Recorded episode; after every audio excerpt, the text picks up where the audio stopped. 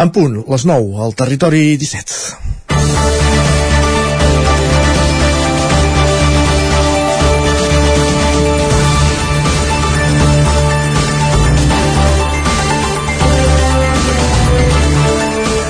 La Mancomunitat La Plana va fer aquest dissabte l'acte institucional de celebració del seu 40è aniversari. No va ser només una festa, sinó que va tenir també un component emotiu i un de polític. Emotiu perquè va servir per recordar i homenatjar Ferran Teixidor, president de l'ENS, quan va morir aquest estiu en un accident amb el tractor. I polític perquè tots els discursos van anar en la línia de reivindicar la vigència del projecte de la Mancomunitat nascut fa quatre dècades per compartir un ordinador.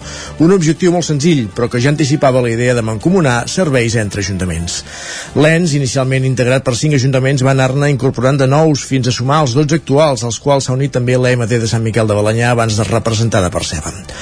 A favor de la mancomunitat hi juguen un seguit de factors. Un primer de context, en una comarca com Osona, amb una gran fragmentació, suma 50 municipis, la majoria dels quals petits, té tot el sentit que es comparteixin serveis. Per tant, que existeixi un organisme supramunicipal amb aquesta funció està més que justificat. I la mancomunitat és prèvia als Consells Comarcals, nascuts l'any 1987. El Consell i la Mancomunitat, encara que en el fons tinguin la mateixa missió i és necessari que cooperin, poden ser complementaris. De fet, la Mancomunitat presta serveis singulars, com el funerari, i ha estat pionera en el desplegament del model de recollida de deixalles porta a porta. Però a favor de la Mancomunitat hi ha també una gestió política intel·ligent. Amb els anys ha incrementat la cartera de serveis i ha assolit fites com la creació d'una àrea pròpia de serveis socials. Abans només en tenien Vic i Manlleu i la resta d'ajuntaments anaven a la del Consell Comarcal.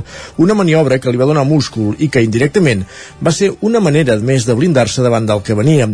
I el que venia, expressat legalment l'any 2014 a través de la LARSAL, la Llei de Racionalització i Sostenibilitat de l'Administració Local, era l'amenaça de la supressió de consorcis i mancomunitats. La Mancomunitat La Plana no només ha desaparegut, sinó que ha continuat creixent. Mentre sigui útil, tindrà recorregut i, per tant, futur. Comença el Territori 17 a la sintonia de la veu de Sant Joan, Ona Codinenca, Ràdio Cardedeu, Ràdio Vic, el 9 FM, Twitch i YouTube. La ràdio de casa. Territori 17, amb Isaac Moreno i Jordi Sunyer.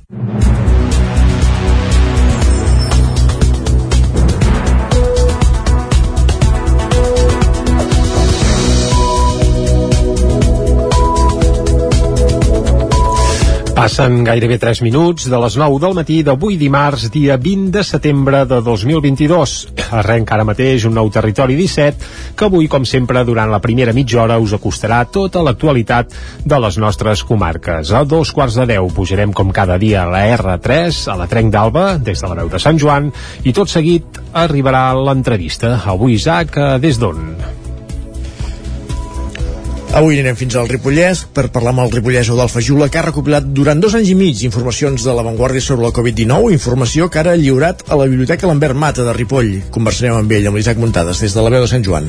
Doncs vinga, això a l'entrevista tot seguit cap a tres quarts de deu serà el torn de la secció de Meteorologia i Medi Ambient. Avui ens acompanярà Gil Salvans de l'Agència de l'Energia d'Osona, amb qui, a part de fer una repassada a l'alternat de Manlleu que es va fer aquest cap de setmana, parlarem també de l'alça de preus en el món de l'energia que no dona treva. Ja ha passat l'estiu, però la cosa no afluixa. De tot plegat en conversarem amb en Gil Salvans, que ja ens acompanyava l'any passat aquí a Territori 17 un cop al mes. A les 10 en punt actualitzarem butlletins informatius i després, Isaac, serà el moment de parlar d'economia, oi? Amb en Joan Carles Arredondo des del 9-9 del Vallès Oriental i avui ens fixarem amb el Pacte Nacional per la Indústria. Doncs vinga, tots els detalls d'aquest pacte nacional.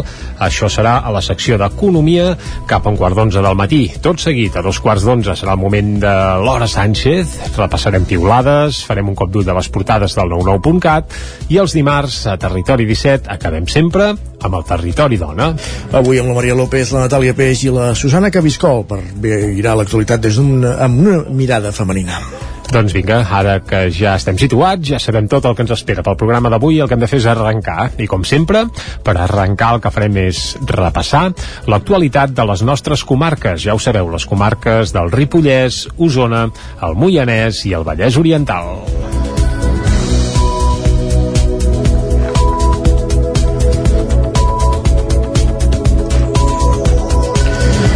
Us ho avançàvem a la portada, la Mancomunitat La Plana celebra aquest celebrava aquest dissabte el 40è aniversari. Creada l'any 1982, aglutina 12 municipis del sud d'Osona i l'entitat municipal descentralitzada de Sant Miquel a Balanyà i es basa en la col·laboració entre ajuntaments per compartir serveis. L'acte d'aquest cap de setmana va servir per recordar els orígens del projecte i reivindicar-ne la vigència. També s'hi va recordar Ferran Teixidor, que presidia la Mancomunitat des de 2019 i que va morir el passat mes de juny en un accident.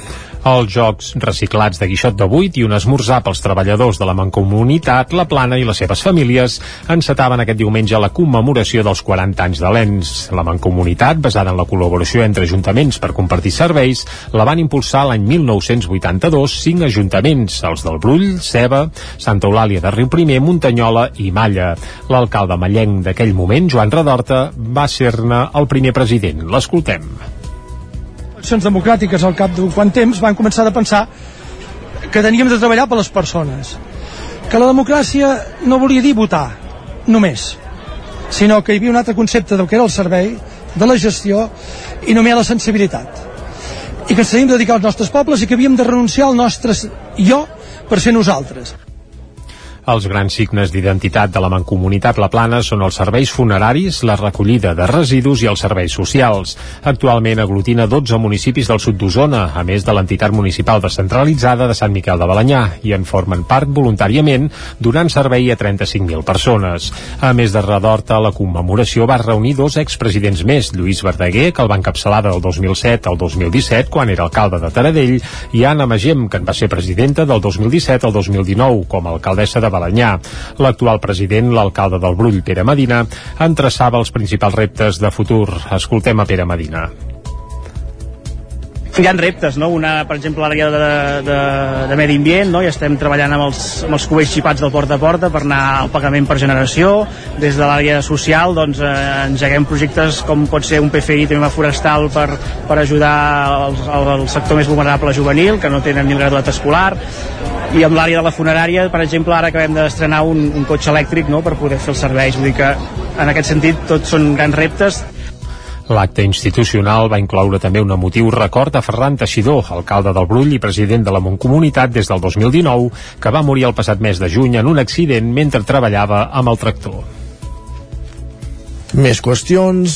La Generalitat anuncia el pas definitiu que encarreglaria el projecte de la variant de Sant Feliu de Codines, que està sobre la taula des de fa més de 20 anys. Caral Campà, zona codinenca.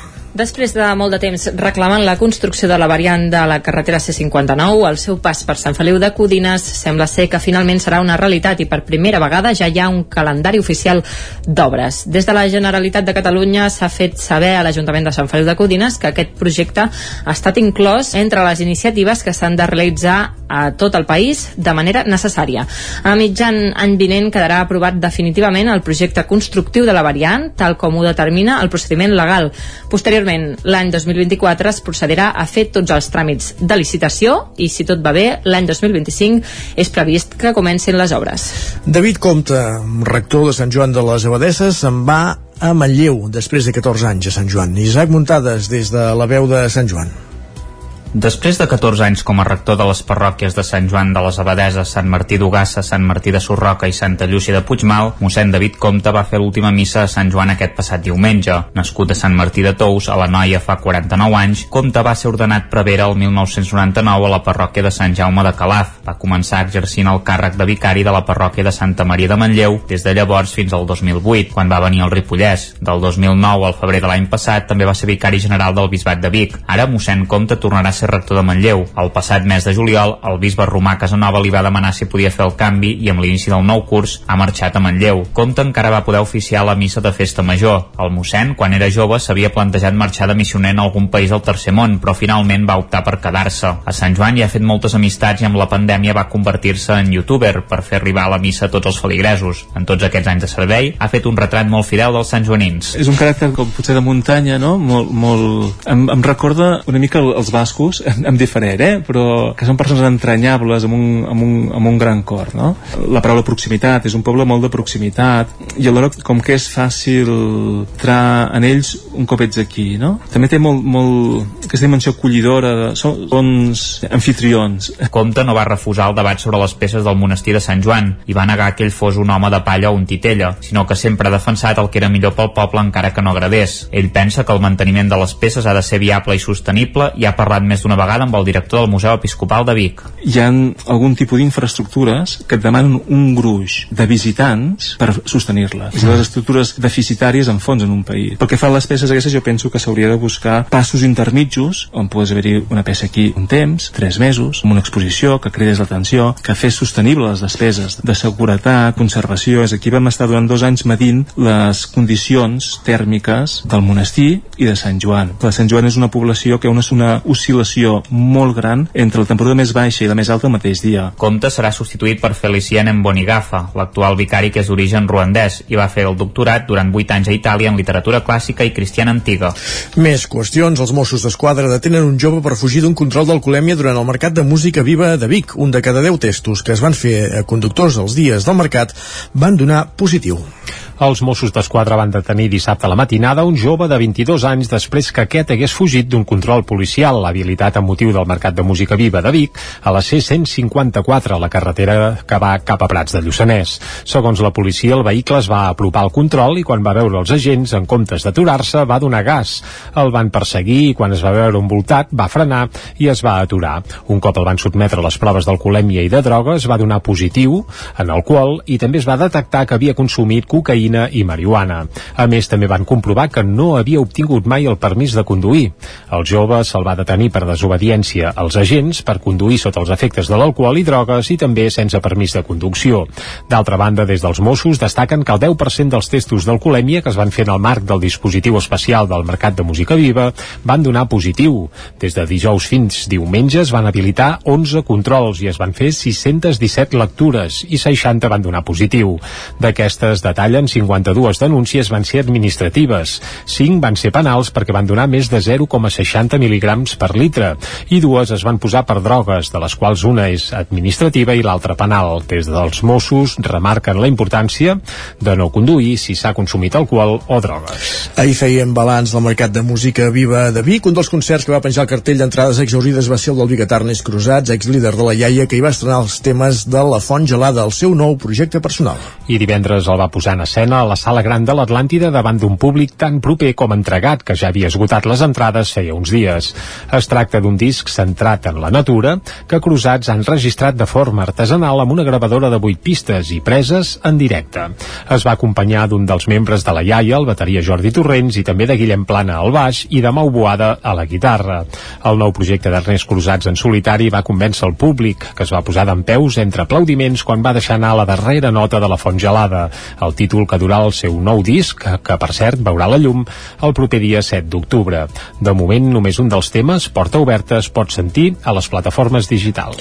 I un altre dels usonencs que van triomfar durant el Mercat de Música Viva va ser el torellonenc d'en Peralbo, guanyador del concurs Sona Nou l'any 2021. Peralbo va actuar dissabte al vespre a una plaça dels Màrtirs plena de gom a gom i just després de l'actuació ja ens avançava alguns dels projectes que tenen amb la banda per aquest hivern, com per exemple una gira per pistes d'esquí. Per l'any vinent, a més, també tenen previst treure nou disc. Escoltem a Dan Peralbo. Per l'hivern estem preparant una gira també de, per pistes d'esquí. Allà on s'hi funciona. I també encarant l'estiu que ve que l'estiu que ve trobarem nou disco i ens agradaria fer-lo voltar també i tocar tant com sigui possible. El disc us dirà Fil per Randa. Inclús tenim nom de la gira que es dirà Fil per Randa. En anglès Fil de 100 per Randa Festa doncs vinga, ja sabem el títol del nou disc quan encara l'han d'enregistrar i tot. Tot plegat, eh, Dan Peralbo i el Comboi ho fan amb l'objectiu d'acabar professionalitzant del tot el seu projecte. Escoltem de nou a Dan Peralbo. i la idea és que, que sigui ojalà pugui arribar a ser la, la nostra primera feina i la nostra perquè realment estem focalitzadíssims, o sigui, gastem moltes hores, gastem molts assajos, ens ho passem molt bé també, estic dient com si fos un... un...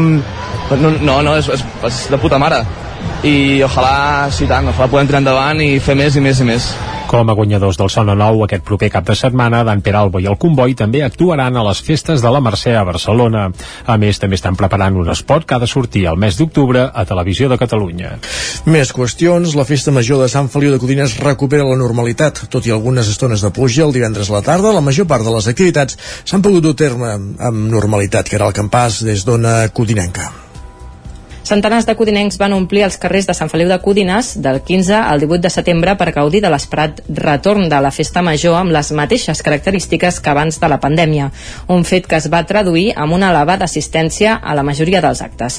El tret de sortida oficial a la celebració el va donar el pregó musical de Pau de Pons, que va agradar força a tothom. L'única pega va ser la pluja de divendres a la tarda, que va provocar la reprogramació i el retard d'alguns dels actes. Tot i això, la major part dels actes es van poder mantenir. Montse Aguadé, regidora i presidenta de la Comissió de Festes, en feia aquest balanç. Doncs mira, valorem la festa major molt positivament, molta gent al, als carrers. Vam donar inici a la festa dijous a la plaça amb el pregó, amb una plaça plena de gent. Divendres és cert que va ploure, però pel matí es va optar per ampliar la, la carpa de la zona de barraques per així en cas de pluja doncs, poder fer els concerts amb normalitat. I així va ser. El Rock per Xics es va poder fer amb total normalitat gràcies a aquesta cobertura que tenien alguns dels hits del cap de setmana van ser els correfocs, que segons els participants van ser dels més espectaculars que recorden, preparats en motiu de la celebració dels 40 anys del grup del correfoc El Follet i la Fantasma, la cercavila dels gegants, que estrenaven la restauració de tres dels capgrossos, la cursa, que va comptar amb èxit d'assistència, de la qual en van sortir victoriosos dos codinencs, Pol Puello i Núria Ávila, o el Piro Musical. Precisament aquest últim acte va comptar amb un petit incident sense conseqüències, l'encesa de la claraboia de l'Ajuntament per algunes de les espurnes. El petit foc es va poder apagar ràpidament. I el 27 de setembre torna a l'Aula de Cultura de Cardedeu. Ho farà cada dimarts a la tarda fins al dia 22 de novembre, amb conferències al Teatre Auditori. Òscar Muñoz, Ràdio Televisió Cardedeu. L'Aula de Cultura torna a Cardedeu dimarts 27 de setembre i ho farà amb l'expresident de la Generalitat, Quim Torra. Aquesta vegada torna per parlar del periodista, traductor, diplomàtic i personatge legendari Eugeni Xamar. El següent dimarts 4 d'octubre l'Aula de Cultura s'organitzarà conjuntament amb la Biblioteca Mardà Vilalba per commemorar l'any fuster, amb la presència de la periodista i escriptora Núria Cadenes, en Jan Brugueres, historiador i escriptor, i el músic i cantant Alfons Om. L'11 d'octubre serà el torn de l'Angi Rosales amb el poder del somriure, i el 18 d'octubre d'Òscar Ferrarons amb Romànic i Montseny. El 25 d'octubre Josep Vives per parlar d'Etiopia i el 8 de novembre l'historiadora i escriptora Assumpta Montellà que portarà el tema Quan corríem davant dels grisos. El 15 de novembre li tocarà la Pilarín Vallès per parlar del sentit de l'art com a il·lustradora, tiritera, dibuixant i humorista gràfica. I per acabar aquest cicle, el 22 de novembre, el tancaran els músics Victòria Palma i en Ramon Colomer, entrevistats per en Lluís Bonamusa. Tots els actes es faran al Teatre Auditori de Cardedeu a les 7 de la tarda amb un preu de 5 euros per sessió o de 20 per tot el cicle. I amb aquesta informació des de Ràdio Televisió Cardeu acabem aquest repàs informatiu que començàvem al punt de les 9 al territori 17 en companyia de Jordi Sunyer, Òscar Muñoz, Caral Campàs, Isaac Muntades. Tot seguit és moment de saludar en Pep Acosta, és moment de conèixer la previsió del temps.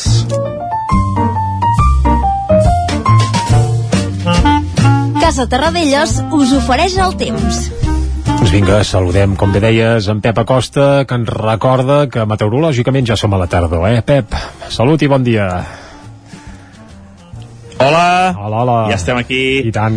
L'espai del temps, uh -huh. com sempre, uh, els vostres transistors. I tant. Com sempre, a casa vostra, avui dimarts, dia 20 de setembre, uh -huh. anem avançant la setmana, ens acostem ara ja uh, molt molt a prop estem de, de la tardor oficial i ja tenim, uh, sens dubte, un ambient de tardor a primeres hores. Uh, avui mínimes de 5 graus a Núria, 9 graus a Sant Pau de Segúries, eh, entre 10 i 12 graus cap a l'interior a moltes zones, i cap al peritoral uns 15 graus. Eh, va, va fent... No, no fred, eh? No fred a la nit, però sí que aquesta fresca es va instal·lant a totes les poblacions. També es va instal·lant a dintre les cases. Dintre les cases eh, hi havia moltíssima calor acumulada de tot l'estiu, amb aquesta frescada nit, mica en mica, eh, es van refredant també les cases, i això es nota eh, eh, en, en l'ambient, eh, en l'ambient eh, que mica en mica va canviant, va canviant i es va allunyant aquesta calor tan, tan intensa que hem tingut aquest estiu. Eh, també destacar el gran contrast de temperatures entre el dia i la nit. Eh, si estem parlant de mínimes a algun lloc d'uns 9-10 graus, les màximes volten els 27, 28, 26 graus, eh, més d'uns 20 graus entre les mínimes i les màximes. Això què fa? Doncs que també els encostipats, els malacois, eh, això estiguin a l'hora del dia, eh, hi ha molta, molta diferència entre el dia i la nit, i òbviament molta gent va eh, al matí és anar amb una jaqueta, amb un jersei, i al migdia s'obre tota aquesta indumentària. Per tant, és una època molt, molt, molt propícia pels encostipats, mal de cois, etc etc. I quin temps espereu avui? Quin espereu avui? Anem, anem, anem pel tema, anem pel tema. He fet tota aquesta introducció perquè avui serà un dia molt tranquil. Avui encara és un dia molt tranquil, fred, ara, fred en algunes zones al matí, eh, molt pocs núvols. L'única novetat és que a la tarda eh, creixeran més nuvolades. Eh, creixeran més nuvolades a la zona de, del Pirineu, sobretot, el Pirineu, el Peritolat també, però on creixeran més nuvolades avui és a la zona del Pirineu. Eh, hi pot haver alguna petita gotellada, no es descarten cap al nord d'Osona i el Ripollès. Si és que arriben a caure seran quatre gotes, quatre gotes. Però hi ha una mica més d'inestabilitat i per això aquestes nuvolades creixeran amb una mica més de força. Les temperatures màximes, la majoria entre els 22 i els 28 graus, els ben febles, de direcció est, molt febles, aportaran eh, poca, poca humitat, no, no, no seran vents molt importants de moment, i els mapes preveuen, avançant, van avançant els dies, i els mapes eh, no canvien i preveuen un cap de setmana amb molta, moltes probabilitats de que tinguem aigua a gairebé tot el territori i la majoria de precipitacions entre els 20 i els 50 litres. Seria una extraordinària notícia, aviam si els mapes no ens fallen i es produeix tota aquesta pluja que tant, tant i tant ens convé. Moltes gràcies, adeu, bon dia. Vinga, bon dia, Pep. Uh, de moment, tranquil·litat, però ja ens augura en Pep que de cara al cap de setmana, pluges. Doncs bé, estarem atents, exacte. I tant. Què dius? Doncs va, anem això, al anem quiosc. cap al quiosc. Va, som-hi, ràpidament. Casa Tarradellas us ha ofert aquest espai. Moment de saber què diuen els diaris avui a les seves portades. Per on comencem? Doncs pel punt avui, com fem sempre que no és dilluns ni divendres. I el titular principal és Atac contra Catalunya. I és que el punt avui, des d'avui mateix, comencen una sèrie sobre l'abans i el després de l'1 d'octubre. Dues setmanes convulses que van dur al referèndum i els cops de porra. Aquest és el subtítol també d'aquest apunt que durant ara uns dies ocuparà eh, la informació principal del diari Punt Avui. També Renfe ens torna a fallar i és que ahir va haver un nou caos a Rodalies, no va ser la R3 però vaja, però en la tònica habitual. Bàsicament els que passen per Sagrera. Sí, correcte. Que estan a hores. I al peu de tot, anacronisme majestuós, evidentment fan referència en aquest cas a l'enterrament d'Isabel, d'Elisabet II, que va tenir lloc ahir. Aquest enterrament el veurem a la resta de portades, eh? Per exemple, a l'Ara titulen Fervor popular funeral global, amb una fotografia primer eh, del carrer amb moltíssima gent i segon de la família dels Borbons, doncs juntets, eh, Juan, eh, bueno, l'emèrit i sí. Felip VI amb les seves, entre cometes, corresponents eh, pubilles. Bé, no farem cap més comentari, el que direm és que també apareix a la portada que la guerra d'Ucraïna fa que el pa pugi un 18% a tota Europa i bati el seu rècord de preu, no només a Catalunya, sinó a tota Europa. Anem a l'avantguàrdia, cop d'ull a l'avantguàrdia. La fotografia principal és pel funeral d'Isabel II, reuneix els reis i a la fotografia es veu Sofia amb una cara de no sap on mirar, uh, Joan Carles I mirant cap a terra, l'Atlètic, que també amb la mirada perduda, i en Felip VI amb un posat tot seriós de jo no volia ser aquí, però hi soc. I el titular... No, jo, no, jo no volia aquesta foto, però la tinc. Però, exacte, és el que hi ha.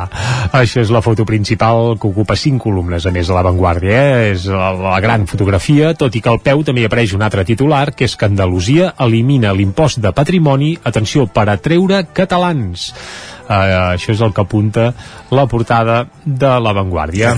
Anem ara cap al periòdico, Isabel II, eterna i universal, reproduint una foto molt similar a la de l'avantguàrdia, amb la família borbònica plegada, uh, ja ho diuen, junts i amb cares de funeral. I sí, sí, se'ls veu cares de funeral perquè ens hem d'enganyar. En aquest sentit la, la claven bastant. Anem ara cap als diaris que s'editen a Madrid on de nou el protagonisme principal és sobretot doncs, per l'enterrament que va tenir lloc ahir d'Isabel II mig miler de mandataris mundials a la Déu a Isabel II aquest és el titular principal que apareix al país de nou amb la fotografia amb la família borbònica davant el el taüt, el sepulcre d'Isabel II. Uh, també al país hi trobem les autonomies del PP escalfen la batalla fiscal en el tram final de la legislatura. Un altre titular a l'ABC, uh, la mateixa fotografia que hem vist a l'avantguàrdia i que també veiem ara al país, però de nou ocupant tota la portada i titulen El final d'una era, 2.000 invitats, 500 líders mundials, representants de totes les cases reials i gairebé 2 milions de britànics als carrers acomiaden a Isabel II. Aquest és el titular que encapçala l'ABC. Anem al Mundo. revolució fiscal de Moreno per atraure a 7.000 200 fortunes.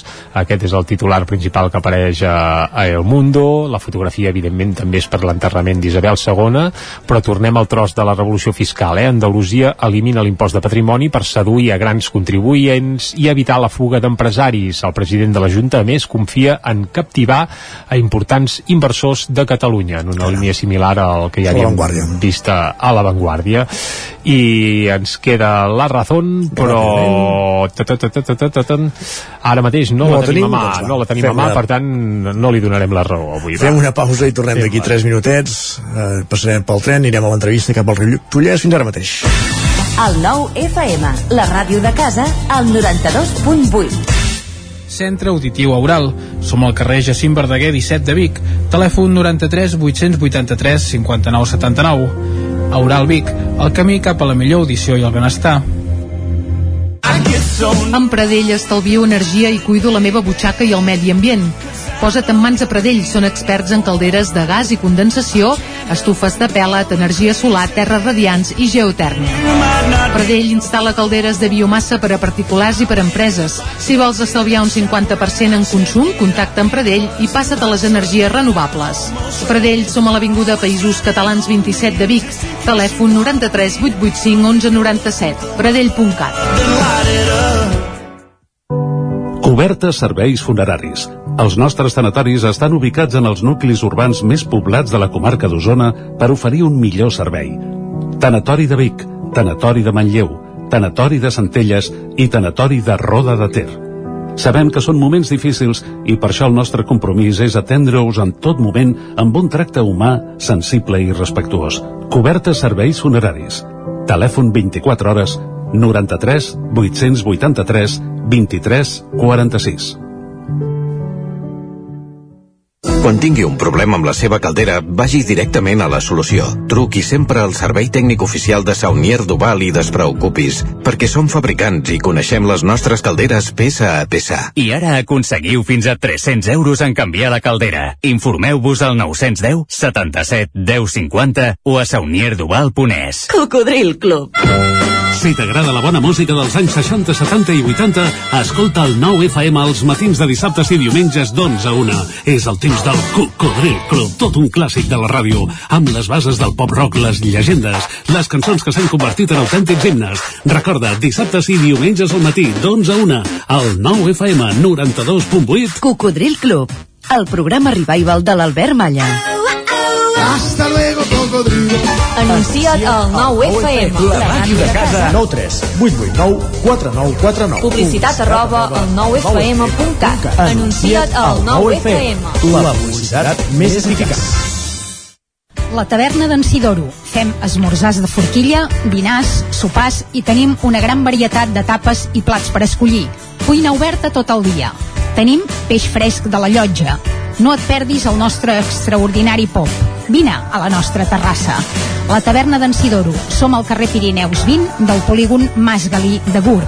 Telèfon 93 883 1689. El 9 FM, el 9 FM, el 9 FM, el 9 FM, el 9 FM. Territori 17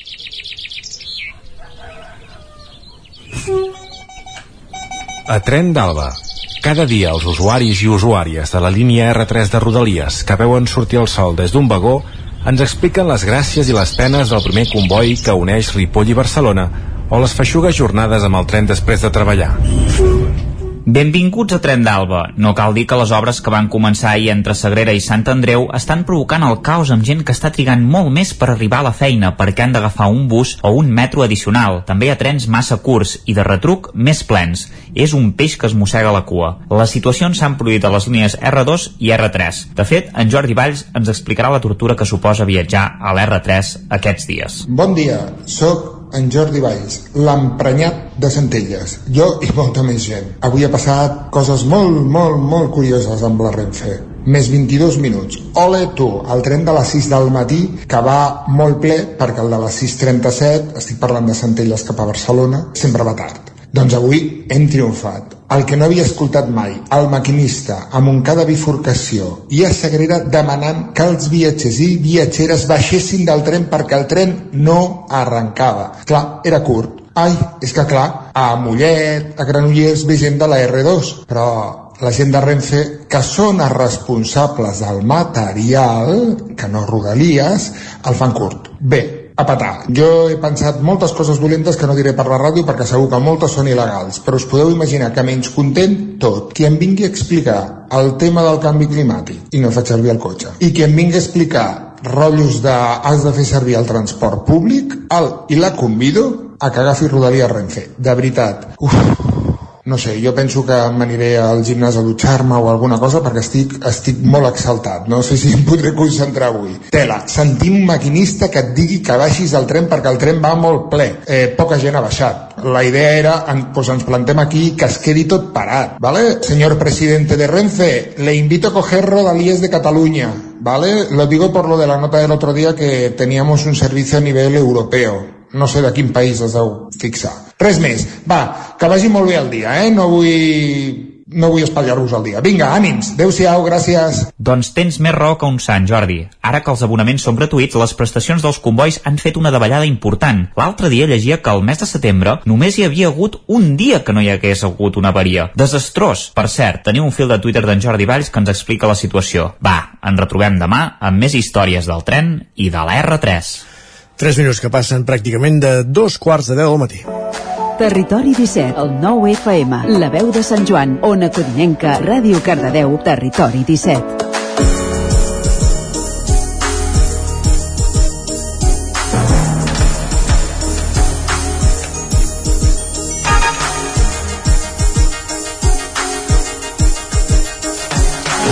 La pandèmia del coronavirus ja està pràcticament agonitzant dos anys i mig després de començar. Es podria dir que una de les persones més ben informades de la pandèmia és el ripollès Eudal Fajula, qui va ser regidor de l'Ajuntament de Ripoll durant els primers 24 anys de la democràcia i director del Centre d'Estudi d'Atenció i Informació de la Seguretat Social de la capital del Ripollès entre, entre els anys 1990 i 2012 es va dedicar a recopilar tota la informació de la Covid que es va publicar a Vanguardia durant els primers 25 mesos de la pandèmia en una sèrie de fitxes.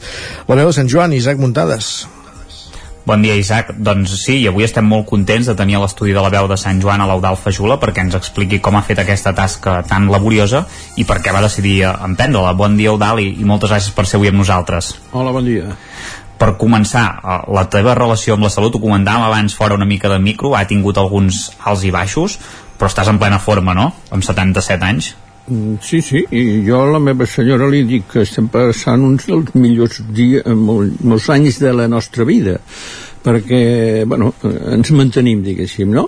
Atxaques n'hem tingut molts, però els superem i en principi eh, els atxaques de l'edat doncs també van vinguent i bueno, eh, anar a la muntanya ja ens costa i agafar un bastó perquè si no les baixades són molt carregoses ara cada dia eh, faig mitja horeta de gimnàs i això em fa mantenir les articulacions bastant, bastant bé Com va sorgir la idea, Eudal, de, de Mira, recopilar? la, la, idea, la idea està en què el, el món que succeeix, dius, ostres, hi va haver aquella, aquella pandèmia de la grip, on què, de l'any 19, tal, i això va ser històric, i això podria ser històric, no sé, ja to, i comença, ja en provem. Primer vaig anar provant, costava de, de, de poder baixar els titulars, les lletres, etc. I, i mica en mica ho vaig anar perfeccionant, en allò del copiar i pegar. El que passa que això ho faig a través de l'ordinador a la vanguardia digital i a més a més eh, és això, la, la hi ha coses que les vaig anar d'haver d'escrivint, redescrivint diguéssim, i d'altres que va ser copiar i enganxar per exemple els gràfics i tot això doncs eren una fotografia enganxada diguéssim, no? i bueno, així mica en mica doncs jo feia unes, unes, unes fitxes quadrades que a vegades hi havia molta lletra però a vegades hi havia dibuixos i tal i al principi també hi posava el xista de l'avantguàrdia em sembla que vaig estar ben bé quasi bé els dos anys posant la, la, la, la, la, sí, per fer-ho una mica més entretingut perquè això que comentaves, eh, Eudal, això ho, eh, hem d'aclarir-ho, ja ho has mencionat, eh, ho feies a través de, de l'avantguàrdia. Et volia preguntar una cosa també, no sé si has arribat a passar la Covid, per curiositat. No, no, no, no, no l'has no. passat, eh? No, no, per sort. Cosa que no, no sóc massa, massa precabut, diguéssim, eh? Vull dir que allò de les mascaretes em feia més nosa que servei. Llavors també eh, sobre les fitxes et voldria preguntar concretament quantes n'has recopilat, de quin tipus són i com estan dividides i quantes n'hi ha de cada tipus Bé, eh, ara ben bé no, no recordo ben bé els, cada, cada tipus, o sigui, el total és de 1.843 fitxes. Llavors això eh, es dividia en, igual com feia l'avantguàrdia, o sigui, hi havia la part de l'emergència sanitària i la part de l'emergència econòmica. Eh, això estava en dos llocs diferents i així d'aquesta manera més o menys jo anava ordenant de la manera que ho feia l'avantguàrdia i dintre de cada una d'aquestes dues modalitats doncs eh, per onades. I les onades, això sí que em va costar de, de que em diguessin a veure quin dia es canviava la onada perquè eh, diguéssim això de les onades cada cru hi deia la seva. I per sort, bueno, vaig parlar amb, amb, amb Salut de la Generalitat i m'ho van felicitar a través de, de BTV, em sembla que és que hi havia la gràfica i vaig mirar i així vaig fer les sis eh, primeres eh, onades eh, perquè la setena ja va anar de baixa i a més la mateixa Vanguardia ja no va ser que cada dia sortissin eh, notícies del tema sinó que a la millor algun dia no n'hi havia cap i llavors jo vaig veure que no calia que, que fes fitxes si no en sortia no? I per tant eh, llavors poder la fitxa mm, fitxes o fitxes em donava per un o dos dies Uh -huh. Aquestes fitxes, a mesura que les anava completant, la, les ensenyava algú? Eh, eh, És evident que és una tasca ingent. Quantes hores dedicava el dia a fer-ho? Bueno, jo normalment entre dues i tres, alguna vegada està fins i tot quatre hores havia estat, eh? perquè el matí no tenia temps, no acabava de fer-ho i a la tarda hi tornava.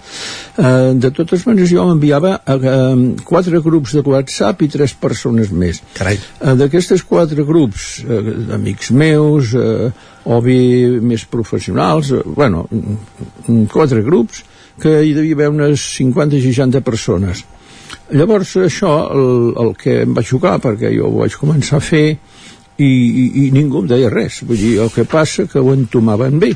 I sí que hi va haver una persona que sí que em va felicitar diverses vegades. Gràcies Udal, gràcies Udal però els altres no deien res i, i de totes maneres el que vaig concluir és que, com que era una informació que és, moltes vegades, eh, quan un llegeix el, el diari, et fixes els titulars. Lògicament, si els titulars et porten a mirar més la lletra menuda, t'hi entretens. Però això no és el més habitual. Normalment, almenys en mi, doncs eh, era saber doncs, com va el món, etc amb els titulars. I això és el que jo ficava a les fitxes. I per tant, eh, la gent que ho rebia, i després ja n'hem parlat quan ha succeït eh, que, bueno, que la Vanguardia doncs, m'ha fet aquí una pàgina, doncs vol dir que ho he parlat amb diversos i tots, tots em felicitaven i a més a més havien estat agraïts que els hagués enviat. Mm. Per tant, doncs, molt bé, molt bé, jo satisfet. Abans comentaves el tema de les onades, eh, que ara és la setena amb aquesta, ja has decidit que era hora de, de plegar aquestes fitxes, ara que, que les has conservat, les vas entregar, si no estem equivocats, a la biblioteca Lambert Mata, no sé si es podran consultar amb el seu arxiu com, com els hi vas passar. Uh, bueno, és, és un llapis de memòria, eh? perquè, clar, ja dic, uh, així ara per, per explicar-ho, per dir-ho manera, hi havia més fitxes d'emergència sanitària que no pas econòmica, però de totes maneres es distribuïen així per onades i així. Això sí, al, al principi posava dia, mes i any, i després em vaig donar compte que havia de posar any, mes i dia, perquè així els fitxers quedessin ordenats totalment per, eh, per dates. Sí? Mm -hmm però bueno, eh, això tot això ho vaig retocar i, i ho vaig eh, ordenar. Llavors amb un llapis de memòria ho he passat a la biblioteca. I allò està a la disposició de tothom qui ho demani. O sigui, si algú doncs, està interessat en veure-ho o seguir-ho o, o consultar qualsevol cosa com que ja està distribuït, diguéssim, en, o sigui, a través del llapis i hi ha el quadre que hi ha el, el número de fitxes de cada, de cada onada i de cada um, emergència. I per tant, estan, eh, jo, una de les coses que haig de dir és que eh, si ho vaig fer tant temps és perquè la Montse Guix, que és la directora de la biblioteca, quan li vaig comentar, diu, ui, sí, sí, ostres, això ens interessarà molt per l'arxiu històric de la biblioteca i tal. Bueno, el, el fet és de que, ostres, tu, m'ho esperen a la biblioteca. Aquest interès va, em va fer, diguéssim, ajudar a fer tota aquesta quantitat de fitxes. Uh -huh. Aquestes fitxes, com dèiem, estan fetes a partir de, de notícies de, de l'avantguàrdia. Per què aquest diari? I no sé si va pensar també en algun moment en, en fer-ho també amb, amb la premsa més, de, més propera, més local, com el 9-9 o el Ripollès, per, per posar un exemple. Ah bé, no, clar, està bé aquesta pregunta perquè resulta que al principi ho vaig fer vaig fer Entesos. a l'avantguàrdia, el 9-9 i el Ripollès perquè estic subscrit a les tres coses, no? El que passa que amb el temps eh, es repetia una cosa i a més a més se'n feia feixuc, se'n feia feixuc i em va semblar que el, era més important la, el Covid general, principalment de Catalunya, el tant que surten de tot el món, eh, perquè a l'avantguàrdia no s'hi deia, oh, és que a Alemanya passa això, als Estats Units passa allò. Això ho agafava també, vull dir que era, era la totalitat. En canvi, eh, fer-ho per, per, per, diguéssim, per comarques o, bueno, per eh, edicions comarcals, doncs em va semblar que es repetia moltes coses ja, i, i es feia una mica passat. El, el que sí tinc, poder hi tinc un parell o tres de mesos fets així amb el 9-9 i la Vanguardia. El que passa que després vaig, també vaig retrenyir una mica perquè dic, home, l'important és més a nivell de Catalunya perquè el local doncs, bueno, és, està dintre el conjunt, diguéssim. Uh -huh. uh, per anar acabant també ho has comentat, vas aparèixer en un article de La Vanguardia que van explicar una mica doncs, tot aquest recopulatori que has fet durant aquests 25 mesos no sé si et sents com una mica un historiador no ho sé, no ho sé, no, no, no m'ho he plantejat, eh? El que passa que jo sí que sóc una persona que m'agrada fer coses positives, o sigui, jo, estant jubilat, no, no, no tinc temps, o sigui, vaig molt atabalat. Per què? Perquè foto molt el nas a tot arreu, eh, m'interesso per moltes coses i a més a més si veig eh, més també tiro moltes fotos perquè dic que hi ha molt d'art d'un cantó i l'altre. A més a més faig unes fitxes unes, eh, perdó, una, unes mm, postals eh, que són conjunts de fotografies i eh, tinc el, estic passant a l'àlbum 25 de les meves fotos i, i bueno, eh, això també em dona una mica d'interès i, i, i tranquil·litat però bueno, és, és això que no sé, no sé està pas aturat eh? Mm -hmm. Perfecte. Doncs Perfecte, Eudal, Eudal Fajula. Gràcies per explicar-nos aquesta iniciativa Bueno, i felicitats gràcies. per, per dur-la a terme, perquè segur que la, la informació recopilada, recopilada és molt, molt interessant, com bé dèiem, i, i per això l'han acceptat també, entenem, a la biblioteca de l'Enver Mata de, de Ripoll. Potser, potser serà més important dintre 100 anys, que Exacte. podrà ser històric. Ara, Correcte. de moment, com que acabem de passar, potser molt interès encara no hi és. Ho tenim molt recent. Gràcies, gràcies a vosaltres. Bon dia. Bon dia. Gràcies, Isaac, també. A vosaltres. Bon dia. Adéu. Continuem al territori 17. Tot seguit ens endinsem al món de les energies renovables.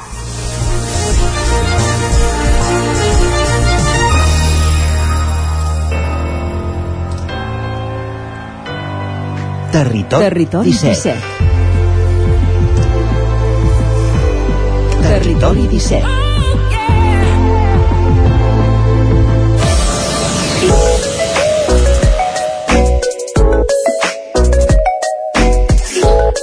Vinga, tres quarts de deu en punt del matí, seguim en directe a Territori 17 i com fèiem la temporada passada, un cop al mes conversarem amb Gil Salvans de l'Agència de l'Energia d'Osona perquè ens ajudi a entendre una mica millor tot el que envolta eh, bé, últimament se'n parla molt, eh? des d'alces de preus, des del món de l'energia, energies renovables eh, el saludem, ja el tenim en línia el Gil, Gil, molt bon dia Molt bon dia, Jordi. en Gil Salvans, que aquest cap de setmana va ser a la Fira Alterna de Manlleu, on, entre d'altres, eh, s'hi va fer una taula rodona que va reunir eh, totes les, bé, les eh, comunitats energètiques que ja s'han constituït eh, a Osona. Com va anar, Gil, aquesta taula rodona?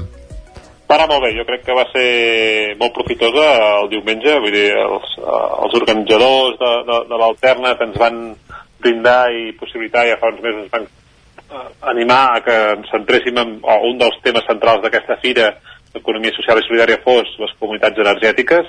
I realment jo crec que va ser un, era un moment clau per fer-ho. Eh, A Osona estem ara mateix ja caminant amb 25-26 comunitats energètiques, de les quals 13 ja estan constituïdes, i per tant eh, era, un bo, era un bon moment. A més a més vam poder mm, tenir una taula interessant, primer va haver una ponència d'en Joan Herrera com a especialista del sector, i vam convidar comunitats energètiques que estan creant i que estan una mica en el mateix nivell que nosaltres però d'altres territoris, que sempre, sempre va bé mm, veure altres experiències, van venir la gent de La Palma, eh, que estan creant una cooperativa que es diu Energia Bonita, i també gent de, de Navarra que estan també treballant en aquest sentit, i, eh, com dius, posteriorment a, aquest debat i aquest, o, o aquestes explicacions d'altres comunitats, eh, vam fer una, un, un, una taula de treball, un procés de participació entre totes les comunitats energètiques d'Osona per, per conèixer per veure on passen uns, on passen els altres, quines dificultats tenen uns i quines tenen els altres, i crec que tothom va quedar molt content Uh -huh. i molt animats a, a, pels projectes que estem arrencant a la comarca. Bé, el primer dia que tindrem de la temporada volem parlar d'energia, de preus i que l'estiu n'ha donat treva, eh? però un darrer punt del tema comunitats energètiques es crearà una espècie de cooperativa comarcal que dongui servei precisament a totes les cooperatives eh, municipals, diguem-ne. Eh? Això en quin, Sí. eh, on passem en aquest sentit? De fet, està creada, és a dir, Mhm. aquest era un dels objectius inicials del projecte, quan vam començar a arrencar el projecte de Nova Energia a Osona eh, ja fa ara un any i mig, eh, era la creació de 50 comunitats energètiques locals i que totes aquestes hi hagués una coordinació i una prestació de serveis eh, supralocal, diguéssim, eh, a nivell comarcal. Eh, com que vam veure com que l'èxit d'aquest projecte ha anat més ràpid del que preveiem, és a dir, com deia abans, eh, estem a 25 projectes arrencats, mm, vam creure ja la necessitat de, de, de començar-ho a constituir i de fet el passat mes de juny ja es va constituir la cooperativa Osona Energia eh, que la formen, ara mateix la, la van crear quatre comunitats energètiques que és la de Sant Pere, Torelló, Balanyà, Taradell i la Dolors, però amb, amb l'objectiu de que totes les restes vagin sumant a mesura que, que tinguin disponibilitat.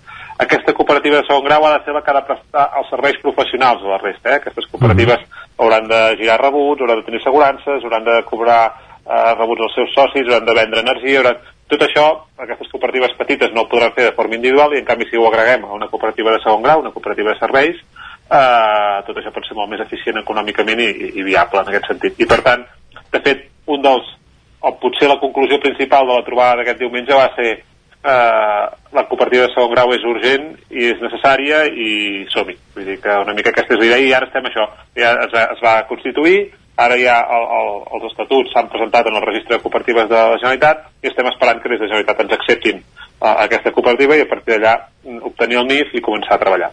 Doncs va, seguirem els processos de, tant de la cooperativa de segon grau d'àmbit comarcal com de les comunitats energètiques que es constitueixen a Osona, però Gil, et volem parlar de l'alça de preus.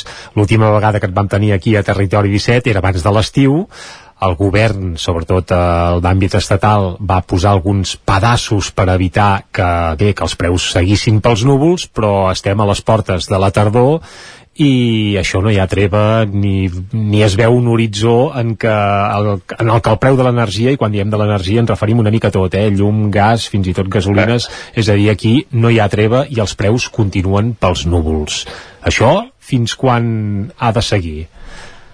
Jo crec, crec que seguirà uns mesos i, de fet, jo sempre quan aquesta és la conversa de, de, de l'estiu i dels dies, eh? vull dir que moltes, moltes telenotícies i molts llocs ha sortit aquest tema com a, com a primera notícia i de fet va sortint uh, jo el que dic sempre és no tornarem als preus antics és a dir, l'energia elèctrica uh, nosaltres uh, pel sector sempre parlem d'euros megawatt, el preu, quin preu val la llum, euro megawatt, eh? que això um, jo crec que és una mica complicat pel ciutadà entendre què vol dir, però sempre parlàvem de 40-50 euros megawatt de preu de l'energia elèctrica. Aquest preu jo crec que no el tornem a veure. Aquest cap de setmana, que es van alinear tots els altres, vam arribar a 68 euros megawatt de mitjana, dissabte. Bé, recordem que va fer, va fer vent el cap de setmana, evidentment també feia sol, suposem que això hi contribueix sí. tot plegat, eh? I, i, és un, I el setembre és un mes que, que, que encara no, o sigui, no hi ha aires acondicionats, la indústria de poc està al 100%, vull dir que, a més a més, comença a haver-hi força indústria que ha, ha reduït producció, eh? És, això és un, un dels temes que, que si els, ara comença a baixar una mica el preu del gas, perquè hi ha menys demanda, perquè hi ha indústria que aquest preu no pot fabricar. I per tant ja comença a haver-hi, l'altre deien que la química eh, ha reduït entre un 30 i un 35% la seva producció a, a Catalunya. Vull dir que eh, estem en una situació molt delicada, hem de tenir en compte que els preus no tornaran, aquests 50 euros megawatt, o el gas natural està a 60 euros megawatt, no tornarà, estarem uns preus molt més alts, jo crec que no podem viure a 170 i a 200 euros megawatt, perquè no podem viure, vull dir, les famílies no podran pagar les factures, els, mm. les, moltes fàbriques, moltes... perquè clar, això repercuteix a tot, és a dir, fa pujar el preu de l'alimentació, fa pujar el preu de Ah, l'aigua... no, també tenim de... un IPC disparat i en bona part és per culpa precisament d'això, de, de l'alça en els preus de, de les energies. De, de l'energia. Mm -hmm. I, I, per tant, jo crec que aquí estem... Bueno, Europa ha tingut una planificació, per dir-ho, nefasta, és a dir, que tot el nostre funcionament estigui lligat a si un senyor obre o no obre una aixeta, és a dir, per molt que per molt que la illa aquesta hispànica, és a dir, península ibèrica, estiguem, no necessitem gas rus perquè estem més connectats al sud i de fet ara portem el gas dels Estats Units eh? els Estats Units fan fracking uh -huh. eh, destrossen el territori, agafen el gas, el fiquen en un vaixell i ens el porten, vull dir que ja no sé què és, què és més racional en aquest sentit però, però igualment estem en un mercat únic europeu, un mercat únic que no va tenir cap tipus de planificació en el sentit de que si un senyor els hi tanca el gas mmm, l'energia es dispara i les fàbriques no poden produir. Per tant, eh, eh, jo crec que hi ha hagut una planificació estratègica nula i nefasta per part de la Unió Europea, que ara la patirem. Jo crec que com mínim un any o dos eh, segur, perquè això que diu, no, hem de prendre mesures i hem d'aïllar-nos del gas, d'acord, però això no es pot fer d'un dia per l'altre. És a dir, tens un sistema muntat que roda entorn d'això i, per tant, com a mínim, jo crec que aquest hivern serà molt dur i molt cru mm, per molts sectors. Um, es van reunir... Els preus no, no veus que puguin baixar, eh, de cara a l'hivern, en aquest sentit jo sí crec, que no Jo crec no que baixaran una mica, baixaran una mica perquè es prendran certes mesures, hi haurà certa, certa intervenció del mercat, Bé, com ja, dir, ja, ja està ja, sent, això és evident. Uh -huh. però, però, però no tornarem a un preu... És a dir, les factures se'ns doblaran segur de gasoil, d'electricitat i de gas, el que veníem fent fins ara, eh, duplicar-les segur, Uh -huh. i, i segurament més. Un altre aspecte és que deixa'm dir, Gil, que mm, molt sovint apareix, doncs clar, és que tot és culpa de la guerra a Ucraïna, no?, que ha disparat els preus. En cas hipotètic, i tant de bo sigui així, eh?, que, que la guerra cessés, que s'acabés, això serviria per endreçar-ho una mica tot plegat, o també és una mica, entre cometes, l'excusa que fan servir sobretot molts mandataris europeus per justificar aquestes alçades de cara a la població, doncs, més vulnerable? Jo crec, jo crec que s'ha donat una mica la tempesta perfecta i la, i la guerra ha servit que també ha influït, però ha servit una mica per, per excusa, eh? perquè, per exemple, els francesos tenen uns preus de l'electricitat dis disparats perquè se'ls ha gripat les, les nuclears, és a dir, en tenen més de la meitat parades. Mm, pensem que el canvi climàtic eh, ha fet que aquest any els rius francesos, bueno, hem vist imatges aquest estiu, mm -hmm. mai pensades, és a dir, aquests rius tan grans que tenen a França secs, vull dir que això ha fet que algunes centrals nuclears no poguessin funcionar, perquè no les podien refredar. Mm. Vull dir que eh, tenim un sistema eh, energètic mm, que està al límit, i per tant, sí que sí, si la guerra parés, segurament es calmarien les coses i possiblement els preus podrien baixar una mica, però Rússia ha dit que el gas, gran part del seu gas el vol vendre a Xina, que, no vol, que vol reduir el mercat europeu i vendre'l cap a l'altra banda. Per tant, això afecta. I el fort de tot això, el greu de tot això és que al final estem en uns mercats bursàtils, és a dir, el nostre preu d'energia elèctrica i de gas és com la borsa, eh? és a dir, surt la... això va passar amb l'energia, estàvem a 230, va sortir la vicepresidenta o la presidenta de la Unió Europea dient que intervindria el mercat elèctric i automàticament en 3 dies vam passar de 240 a 150 produint l'energia de la mateixa forma, de la mateixa manera, vull dir que, eh, parlant de futurs, eh? és a dir, mm -hmm. clar, és un bé necessari i escàs l'energia. No sé si hem de jugar a, a la borsa per, per veure quin preu paguem de l'energia nosaltres. Per tant, eh, és un, jo crec que ens hem de situar en un hivern complicat, complicadíssim, en el que en el que veurem, és a dir, les famílies ho passaran malament, veurem indústries que hauran de parar, segurament que el preu baixarà una mica, i de fet ja ha baixat, eh, les últimes dues setmanes. Eh, ja hem passat de, 100, de, de 200 euros, 240 euros megawatt a una mitjana de 140-150, per tant ja ha baixat, però igualment estem a tres vegades més del que veníem acostumats sí, sí, el que fèiem fa eh? un any i mig, correcte. Sí, sí. Mm -hmm. eh, eh, per tant, tothom se li duplicarà la factura.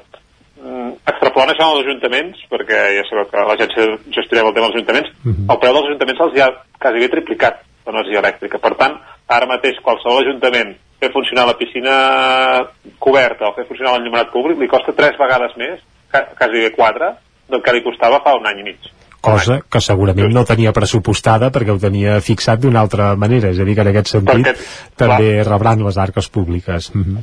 Vull dir que fins i tot el tema de l'aigua, Aigües Osona ha hagut de, de, triplicar els preus de venda d'energia, ai, de venda d'aigua, perquè mm -hmm.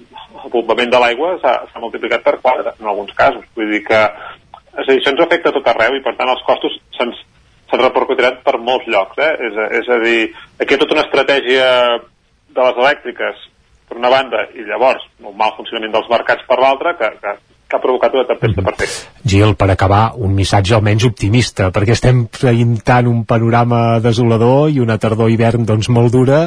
No sé si podem veure una mica de llum en algun aspecte o en algun sentit eh, per deixar-nos amb un regust una mica més, més alegre de tot plegat, eh?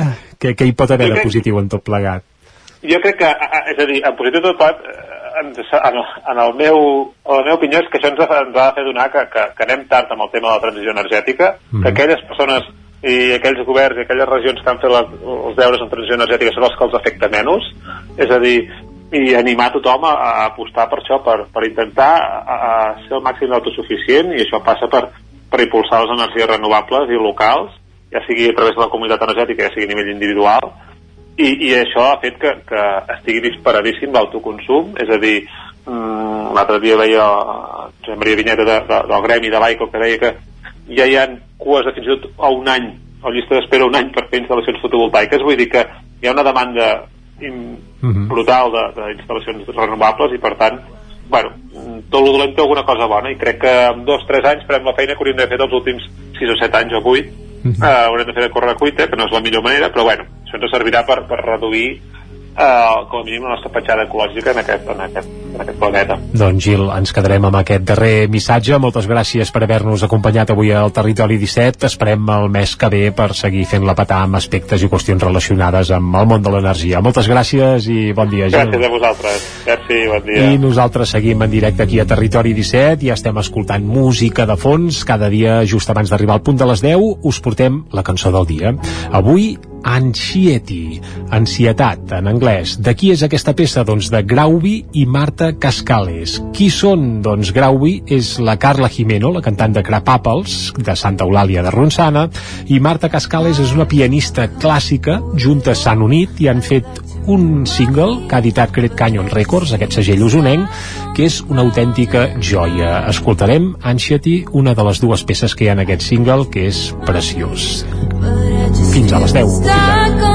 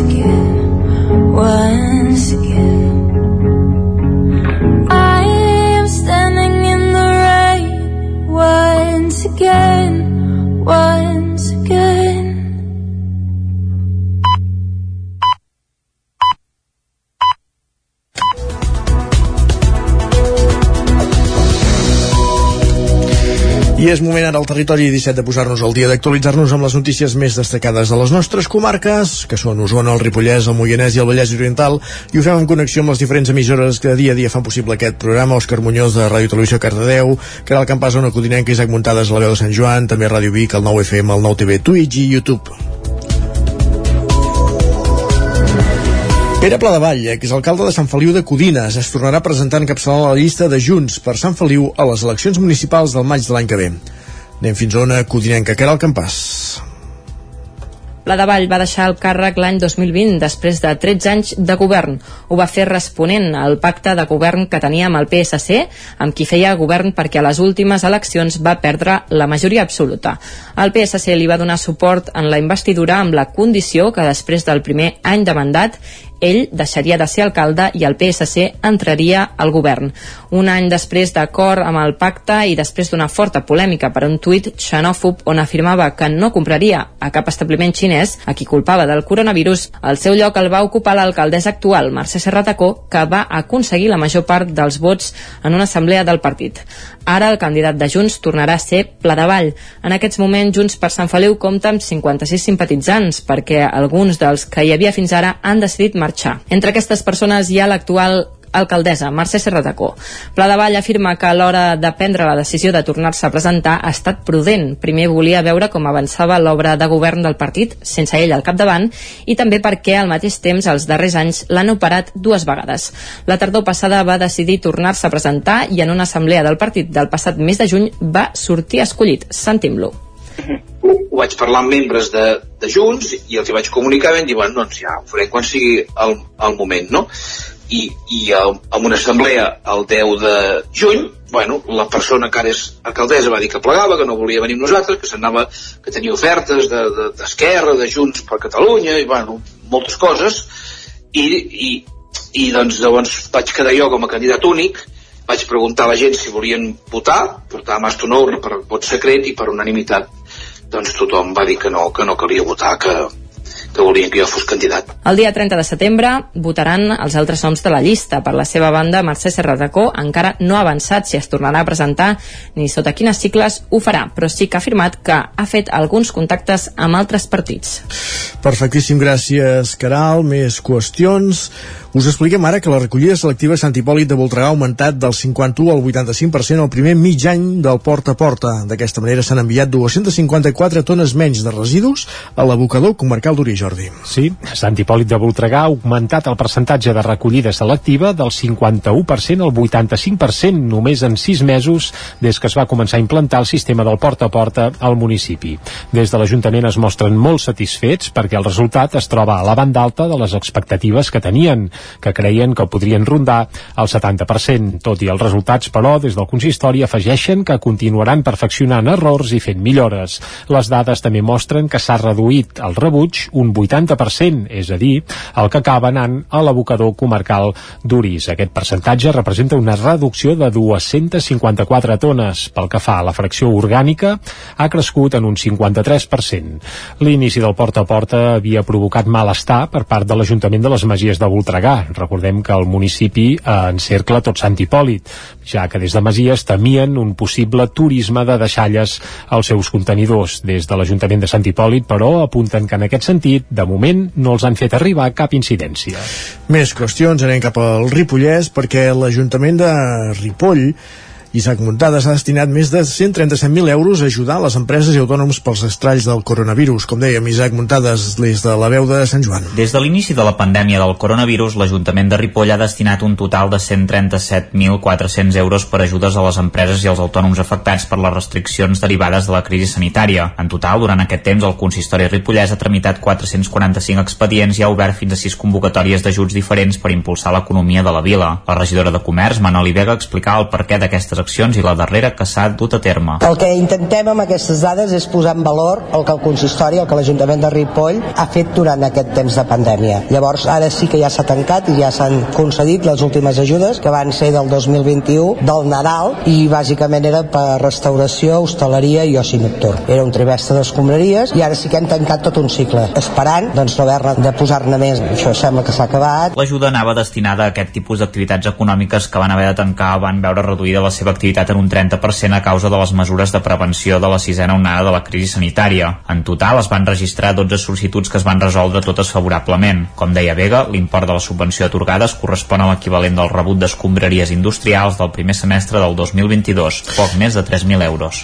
Gràcies, Isaac. Més qüestions. Tornem a la Fira Alterna de Manlleu. Després de dos anys d'aturada, el Passeig del Ter i el Museu del Ter van acollir diumenge la quarta edició d'aquesta mostra. Al llarg del matí, les entitats de la xarxa del mateix nom van mostrar els seus productes, serveis i activitats en parades i tallers. També es va fer una taula rodona sobre comunitats energètiques. Una taula, per cert, de la qual n'hem parlat fa poc amb en Gil Salvans de l'Agència de l'Energia d'Osona. I és que la xarxa per l'economia social i solidària d'Osona, l'Alternat, recuperava aquest diumenge a Manlleu la fira que organitzava anualment per donar a conèixer la cinquantena d'entitats que la conformen. D'aquesta manera, després de dos anys d'aturada a causa de la pandèmia, el passeig i el Museu del Ter van ser un formiguer de gent des que va arrencar. Betlem Parés, coordinadora de l'àrea de serveis a les persones i promoció econòmica de l'Ajuntament de Manlleu, explica els objectius de l'Alternat. Treballem per, un, visibilitzar les entitats que formen part de l'Alternat i que treballen durant tot l'any, i dos, la intercooperació entre aquestes entitats. Aquí també és un punt de trobada, un punt de, de poder crear noves relacions, eh, bueno, que també ens interessen les dues coses, eh? visibilitzar, que la ciutadania ho vegi, però també que elles intercooperin i es coneguin. L'edició d'aquest 2022 atorgava el protagonisme a les comunitats energètiques. Un dels plats forts de la fira va ser, de fet, una taula rodona que van compartir les que estan emergint ara mateix a la comarca d'Osona. Ho explica Gil Salvans, responsable tècnic de l'Agència Local d'Energia, del Consell Comarcal i col·laborador del Territori 17. Hi ha 15 comunitats energètiques de la comarca representades pels seus socis i sòcies i ara estan fent taules de debat per conèixer, per veure on passa un, on passa l'altre, intercanviar experiències, com fas una cosa, com fas l'altra, com tens la web, tot un tema d'anar-nos coneixent perquè al final la, la comunitat energètica d'Osona serà una comunitat energètica per cada un dels municipis però també intercompararan entre elles i crearem una comunitat energètica, o s'ha creat una comunitat energètica de segon grau que ha de la que ha d'empènyer tot aquest projecte. Ara més que mai crec que és el moment de fer la transició energètica, que passar d'energies fòssils a energies renovables, però també canviar tot el sistema. I que això, en lloc d'estar mans de quatre grans empreses, passi mans de la ciutadania. La jornada, volem dir, es va completar amb jocs i tallers de tota mena i la van tancar un concert de Quim Abramo i Coloma Bertran i un dinar popular. I més qüestions, els Mossos d'Esquadra han detingut un jove per fugir d'un control d'alcoholèmia durant el Mercat de Música Viva de Vic. Un de cada 10 testos que es van fer a conductors els dies del mercat va donar positiu. Els Mossos d'Esquadra van detenir dissabte a la matinada un jove de 22 anys després que aquest hagués fugit d'un control policial habilitat amb motiu del Mercat de Música Viva a la C-154, a la carretera que va cap a Prats de Lluçanès. Segons la policia, el vehicle es va apropar al control i quan va veure els agents, en comptes d'aturar-se, va donar gas. El van seguir i quan es va veure envoltat va acabar frenant i es va aturar. Un cop el van sotmetre a les proves d'alcoholèmia i drogues, va donar positiu en alcohol i també es va detectar que havia consumit cocaïna i marihuana. A més, també van comprovar que no havia obtingut mai el permís de conduir. El jove se'l va detenir per desobediència als agents, per conduir sota els efectes de l'alcohol i drogues i també per anar sense permís de conducció. D'altra banda, els Mossos destaquen que el 10% dels testos d'alcoholèmia que es van fer en el marc del dispositiu especial del Mercat de Música Viva de Vic van donar positiu. Des de dijous i fins diumenge es van habilitar 11 controls i es van fer 617 lectures, de les quals 60 van donar positiu. D'aquestes, 52 denúncies van ser administratives, 5 de penals, perquè van donar més de 0,60 mm, en el Miligrams per miligrams per litre, ja ho direm bé, crec que sí. I dues es van posar per drogues, de les quals una d'administrativa i una altra de penal. Des dels Mossos remarquen la importància de no conduir si s'ha consumit alcohol o drogues. I encara al mar del Mercat de Música Viva, un dels concerts que va penjar el cartell d'entrades exaurides va ser divendres el del biguetà Ernest Cruzats, ex-líder de la iaia, que hi estrenava els temes de la Font Gelada, el seu nou projecte personal i divendres el va posar en escena per primera vegada a la sala gran de l'Atlàntida de Vic davant d'un públic tan proper com entregat que ja havia esgotat les entrades feia dies. Es tracta d'un disc centrat en la natura que Cruzats han registrat de forma artesanal amb una gravadora de 8 pistes i preses fetes en directe. Ernest Cruzats va aparèixer dalt de l'escenari acompanyat d'un dels membres del seu antic grup, la Iaia, concretament el bateria Jordi Torrents, i també l'acompanyava l'usonenc Guillem Plana al baix i Mau Boada a la guitarra. El nou projecte de Cruzats en solitari va convèncer el públic, que es va posar d'en peus entre aplaudiments quan va deixar anar la darrera nota de la Font Gelada, el títol que durà el seu nou disc, que per cert es publicarà el proper dia 7 d'octubre. De moment, només un dels temes, Porta Oberta, es pot sentir a totes les plataformes musicals. Per cert, aquí a Territori 17 també ja vam tenir l'oportunitat d'escoltar-lo. Esports. I a la pàgina esportiva us expliquem que per la nova temporada el Club Handbol Cardedeu presenta novetats a la Junta Esportiva després que acabés l'anterior mandat. David Colomer serà el nou president i amb ell arriben una sèrie de canvis com seria el nou coordinador o els nous patrocinadors. Òscar Muñoz, Ràdio Televisió, Cardedeu. Des de l'1 de setembre, el Club Handbol Cardedeu compta amb la nova junta directiva després que finalitzés l'anterior mandat. El nou president del club ha jugat tota la vida a Cardedeu i coneix les inquietuds que poden haver-hi als equips. Els mandats electorals són de 6 anys i la junta que hi havia acabava mandat hi havia una sèrie de gent que portava els 6 anys tot el mandat sencer i n'hi havíem 3 que havíem entrat durant el transcurs d'aquests últims 6 anys i aquests 3 doncs, hem decidit fer una, una candidatura per continuar amb la feina que, que s'havia iniciat. A nivell esportiu esperen una pujada de nivell per ser més competitius amb els equips de la base. No, no és l'objectiu principal el guanyar campionats, sinó la formació de persones en l'àmbit de l'esport, però evidentment que sempre és més agradable aprendre guanyant. Els canvis també arriben a les equipacions, on s'han canviat de proveïdor per canvis en el subministrament. Les noves equipacions estan disponibles a la nova pàgina web que canvia de domini i es modernitza per oferir una millor experiència. I encara en l'àmbit esportiu, el Horsball català ensenya múscul en les principals competicions internacionals on participa i ho fa amb un paper més que destacat de genets i amazones d'Osona que contribueixen a engrandir el palmarès del bàsquet a cavall. Recentment es va disputar el Campionat del Món i l'expedició va tornar amb diverses medalles. L'expedició usonenca que va participar al Campionat del Món de Horsball disputat el passat mes d'agost a Saint-Lô, a França, va tornar carregada de medalles. Sens dubte la joia de la corona va ser l'or del combinat estatal sub-16, una distinció que l'equip va obtenir sense perdre ni un sol partit i després de guanyar la final amb un gol d'or a França. Entre els integrants de l'equip hi havia el biguetà Aleix Alemany i Roger Tellez de Sant Feliu de Sacerra. Tots dos es van iniciar en aquest esport de petits i entrenen a l'Hípic Club GT de Folgueroles. Pels dos aquest ha estat el seu primer mundial. Escoltem per aquest ordre a Roger Tellez i Aleix Alemany.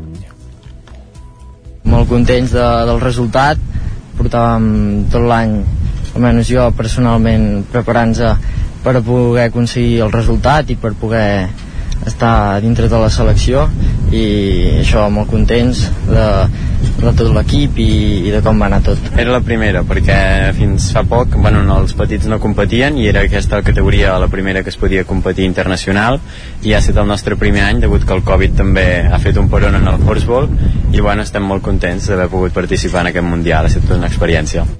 També es van penjar una medalla, en aquest cas de plata, als combinats femení amb Ona Montmany, de malla, i el sub-21 masculí, amb Noa Cabau, de malla, i Joan Fatjó, de l'Hípic Club GT.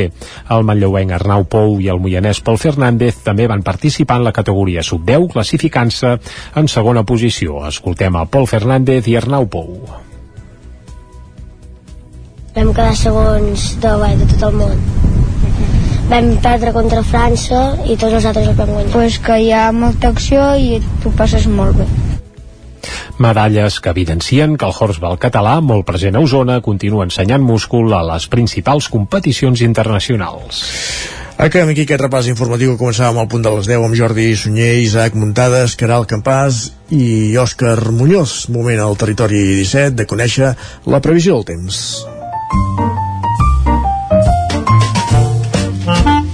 Casa Terradellos us ofereix el temps.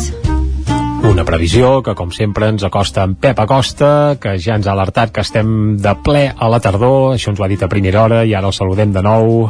Pep, bon dia. Hola, ja estem aquí. Sí. Uh, va, va fent... No, no fred, eh? No fred a la nit, però sí que aquesta fresca es va instal·lant a totes les poblacions. També es va instal·lant a dintre les cases. Dintre les cases eh, hi havia moltíssima calor acumulada de tot l'estiu, amb aquesta frescada nit, mica en mica, eh, es van refredant també les cases, i això es nota eh, eh, en, en l'ambient, eh, en l'ambient, eh, que mica en mica va canviant, va canviant. Eh, també destacar el gran contrast de temperatures entre el dia i la nit. Eh, si estem parlant de mínimes a algun lloc d'uns 9-10 graus, les màximes volten els 27, 28, 26 graus. Això què fa? Doncs que també els encostipats, els malacois, eh, això estiguin a l'hora del dia. Per tant, és una època molt, molt, molt propícia pels encostipats, malacois, etc etc. I quin temps es preveu avui? Quin es preveu avui? Anem, anem, anem pel tema, anem pel tema. He fet tota aquesta introducció perquè avui serà un dia molt tranquil. Avui encara és un dia molt tranquil, fred, ara, fred en algunes zones al matí, eh, molt pocs núvols. L'única novetat és que a la tarda eh, creixeran més nuvolades. Eh, creixeran més nuvolades a la zona de, del Pirineu, sobretot, el Pirineu, el peritoral també, però on creixeran més nuvolades avui és a la zona del Pirineu. Uh, hi pot haver alguna petita gotellada, no es descarten cap al nord d'Osona i el Ripollès. Si és que arriben a caure seran quatre gotes, quatre gotes. Però hi ha una mica més d'inestabilitat i per això aquestes nuvolades creixeran amb una mica més de força. Les temperatures màximes, la majoria entre els 22 i els 28 graus, els ben febles, de direcció est, molt febles, aportaran eh, poca, poca humitat, no, no, no seran vents molt importants de moment, i els mapes preveuen, van avançant els dies, i els mapes eh, no canvien i preveuen un cap de setmana amb molta, moltes probabilitats de que tinguem aigua a gairebé tot el territori i la majoria de precipitacions entre els 20 i els 50 litres. Seria una extraordinària notícia. Aviam si els mapes no ens fallen i es produeix tota aquesta pluja que de tant, tant tant ens convé. Moltes gràcies i ens, ens escoltem demà. Adéu, bon dia. Casa Tarradellas us ha ofert aquest espai. Territori 17. Moment de parlar d'economia, com sempre, amb en Joan Carles Arredondo, el cap d'Economia del 9-9 del Vallès Oriental. Joan Carles, benvingut, bon dia. Bon dia. Avui ens fixem en el Pacte Nacional per la Indústria que acaba d'aprovar el govern de la Generalitat i del qual comencem ja a tenir alguns detalls. Vols dir... Digues, Força detalls, ja començava a ser una mica d'hora que comencéssim a parlar d'alguna cosa diferent que no fos la inflació, Sí.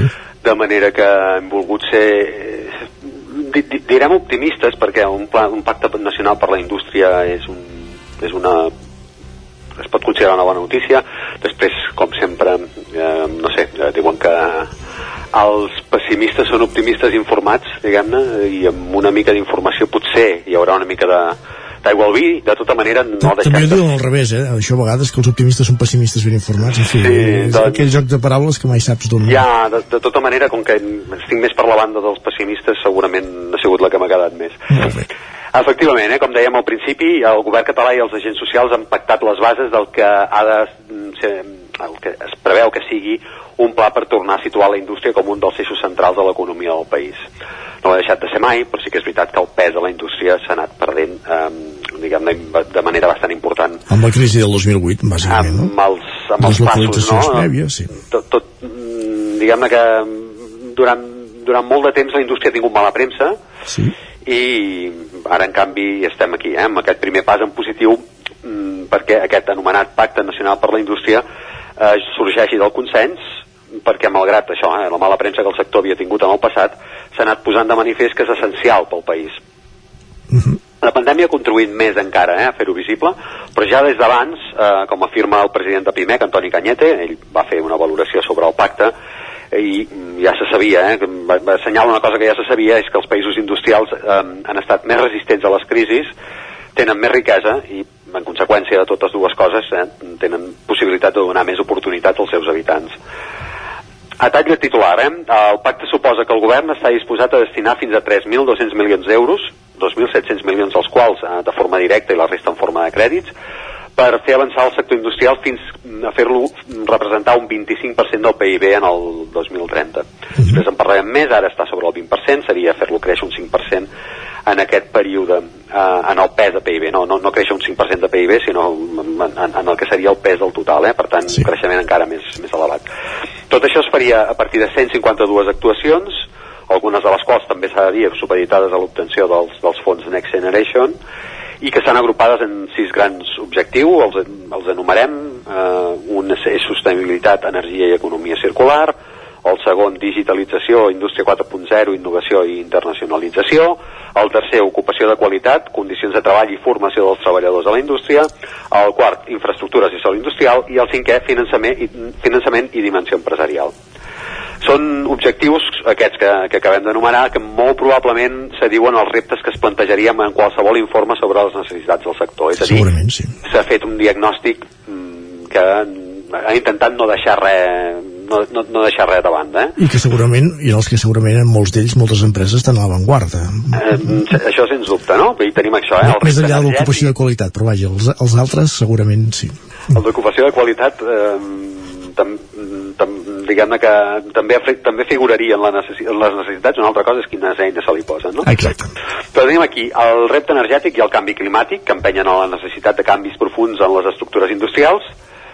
Un repte, eh? És, però també és una possibilitat, és una font d'oportunitats. Eh? Mm, Sempre s'havia dit que, que a quin país es podria desenvolupar millor l'energia solar que en l'estat espanyol que també, i també a Catalunya, que tenen tantes hores de sol, etc. Tot això és, són oportunitats. Eh? Per tant, tenim aquí una cosa que podria ser un problema, no? aquest repte, però en canvi també una, una possibilitat d'oportunitats. Hi ha, hi ha comunitats com l'Aragó, que és una lliçó que tenen molt apresa. Aquí Eh. tenim deures per fer. Sí, i també tenen apreses altres lliçons sobre com facilitar les coses, que això moltes vegades eh, les administracions són entrebancs, ara, ara amb això hi entrarem més, més, més endavant, no? També s'hi afronta el canvi tecnològic i la necessitat d'engrandir mercats, eh? per tant, tot plegat, una invitació a guanyar competitivitat, també apareix el repte de la formació, que és una, peix- una queixa permanent dels empresaris del sector, tots els que parlem amb empresaris eh, habitualment sabem que una de les coses que diuen és que els costa trobar personal qualificat jo hi afegiria mm, troba personal qualificat per pagar-lo bé mm, però de, però de tota manera sí que és una queixa i és una queixa, per tant el tema de la formació és un repte, també apareix en, en aquest pacte i es posen també les bases per oferir, oferir més oportunitats d'implantació, eh? eh, eh, captar inversions, això, això vol dir generar més sol, etc. i empènyer un context d'empreses més grans, eh? perquè mm, també més grans són més competitives. Sempre sempre s'ha parlat que a Catalunya les empreses tenen un problema de mida, eh? i que la mida eh, en aquest cas sí que importa. Uh, la directora general d'Indústria, Natàlia Mas, apunta que uh, tot aquest pacte industrial comporta un canvi d'enfoc. Uh, la política industrial vigent havia estat més defensiva i amb aquest nou pacte el que s'intentarà és que passi a ser més activa. Uh, el fet cert és que el govern posa sobre la taula més recursos que els que estava disposat a mobilitzar en l'anterior pacte nacional, gairebé un 50% més de, de recursos. Um, aquest pacte nacional era el de 2017-2020, eh? tenim aquí els canvis econòmics, abans es feien plans, plans quinquenals, però ara ja diguem-ne que els s'acoten a 3 anys, perquè aquest pacte també mm, abraça 3 anys, eh, de 2022 a 2025. Segurament per arribar al 25% al 2030 s'hauran de fer un altre pla posteriorment eh, i avaluar com, com està avançant aquest. El pacte neix amb consens i amb un diagnòstic acurat dels reptes que s'han d'enfrontar i també amb aquesta predisposició a abocar-hi recursos. Però com sol passar, ara mateix ja estem en el moment de passar del paper als fets, que és això que realment per- permetrà calibrar si és factible arribar a complir els projectes que queden inclosos en el pla. De vegades, en nom del consens, s'han de fer concessions a les peticions de totes les parts, amb el risc eh, que algunes prioritats quedin poc delimitades. No? Per, per contentar tothom, moltes vegades introdueixes projectes i moltes vegades algú, algú se'ls mira després de canto. No? Eh, I tot i que el balanç de l'anterior Pacte Nacional per la Indústria que ha fet la Generalitat en destacava un alt grau de compliment, hi ha algunes evidències que ho posen en entredit. Eh? Um, poso un exemple proper en el nostre cas, eh? uh, el Vallès Oriental. Um, hi ha aprovat des de fa sis anys un pla director urbanístic per donar un sentit també industrial a la presència del circuit de Barcelona Catalunya a l'àrea. Eh? Uh, Tenim un circuit per on s'hi fan proves de competició, mm, però el- l'enllaç, el, el, diguem-ne, el, el, el contacte amb la indústria eh, ha estat sempre una mica en entredit, no? Doncs eh, d'això fa sis anys i aquest pla no s'ha arribat a desplegar, tot i que també hi ha mm, el consens dels agents socials del territori, per l'oportunitat que suposaria precisament per desplegar polítiques de nova mobilitat neta, per exemple, no? És a dir, gairebé tots els objectius que hem, que hem anomenat abans, que estan recollits en el, en el Pacte Nacional per la Indústria, estan sintetitzats en les 574 hectàrees que ocupa aquest pla director. Sí.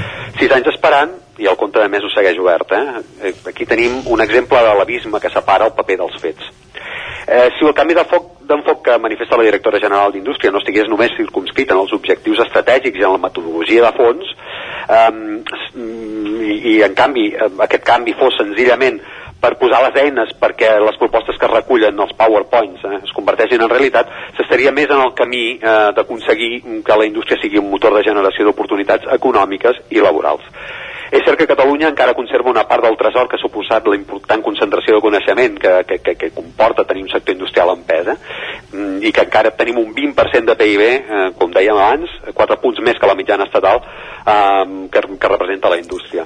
Però les evidències que ha deixat la pandèmia sobre la necessitat d'un teixit autòcton potent és una clara invitació al consens, que ja s'ha produït, al diagnòstic, que també, i sobretot a la materialització efectiva dels projectes. I aquest últim és el repte. Sens dubte perquè és allò és molt fàcil, molt fàcil tampoc però més enllà de posar negre sobre blanc llavors aquest negre s'ha de, de materialitzar, s'ha de portar a la pràctica i aquí és de vegades on, on ens perdem no? un, un nou projecte no, no veiem mai que, no veiem moltes vegades que, que veien la llum i sobretot que, que tot plegat no sigui una juxtaposició de coses que hi havia pendents i ara les tornem a posar en ordre i li posem un altre nom i, i així ja diem que és una cosa nova. Um, jo crec que és important que periòdicament es pugui anar avaluant com està avançant això i llavors sí que serà un veritable pacte nacional Doncs pacte nacional per la indústria que s'ha aprovat, que ja és vigent i veurem doncs, en els propers anys com, com es va desplegant i per exemple si arribem a aquest objectiu del 25% del PIB de l'any 2030 entre d'altres, però aquest és un dels objectius per tant veurem, veurem si es van aplicant les accions per arribar-hi Joan Carles Arredondo, gràcies per ser-hi una setmana més i bon dia. Gràcies. El nou FM, la ràdio de casa, al 92.8. Amb Pradell estalvio energia i cuido la meva butxaca i el medi ambient. Posa't en mans a Pradell, són experts en calderes de gas i condensació, estufes de pèl·let, energia solar, terres radiants i geotèrmia. Pradell instal·la calderes de biomassa per a particulars i per a empreses. Si vols estalviar un 50% en consum, contacta amb Pradell i passa't a les energies renovables. Pradell, som a l'Avinguda Països Catalans 27 de Vic. Telèfon 93 885 1197. Pradell.cat. Centre Auditiu Aural. Som al carrer Jacint Verdaguer 17 de Vic. Telèfon 93 883 59 79. Aural Vic, el camí cap a la millor audició i el benestar. Cobertes serveis funeraris. Els nostres tanatoris estan ubicats en els nuclis urbans més poblats de la comarca d'Osona per oferir un millor servei. Tanatori de Vic, Tanatori de Manlleu, Tanatori de Centelles i Tanatori de Roda de Ter. Sabem que són moments difícils i per això el nostre compromís és atendre-us en tot moment amb un tracte humà, sensible i respectuós. Cobertes serveis funeraris. Telèfon 24 hores 93 883 23 46. Quan tingui un problema amb la seva caldera, vagi directament a la solució. Truqui sempre al servei tècnic oficial de Saunier Duval i despreocupis, perquè som fabricants i coneixem les nostres calderes peça a peça. I ara aconseguiu fins a 300 euros en canviar la caldera. Informeu-vos al 910 77 10 50 o a saunierduval.es. Cocodril Club. Si t'agrada la bona música dels anys 60, 70 i 80, escolta el 9 FM els matins de dissabtes i diumenges d'11 a 1. És el temps del Cocodril Club, tot un clàssic de la ràdio, amb les bases del pop-rock, les llegendes, les cançons que s'han convertit en autèntics himnes. Recorda, dissabtes i diumenges al matí, d'11 a 1, al 9 FM 92.8. Cocodril Club, el programa revival de l'Albert Malla. Hasta luego, cocodrilo. Anuncia't al 9FM. La màquina de casa. 9 3 8 8 9 4 9 4 9 Publicitat arroba al 9FM.cat. Anuncia't al 9FM. La publicitat més eficaç. La taverna d'en Sidoro. Fem esmorzars de forquilla, dinars, sopars i tenim una gran varietat de tapes i plats per escollir. Cuina oberta tot el dia. Tenim peix fresc de la llotja. No et perdis el nostre extraordinari pop. Vine a la nostra terrassa. La taverna d'en Sidoro. Som al carrer Pirineus 20 del polígon Mas Galí de Gurb. Telèfon 93 883 1689. El nou FM, el nou FM, el nou FM, el nou FM. En punt, dos quarts d'onze al territori 17.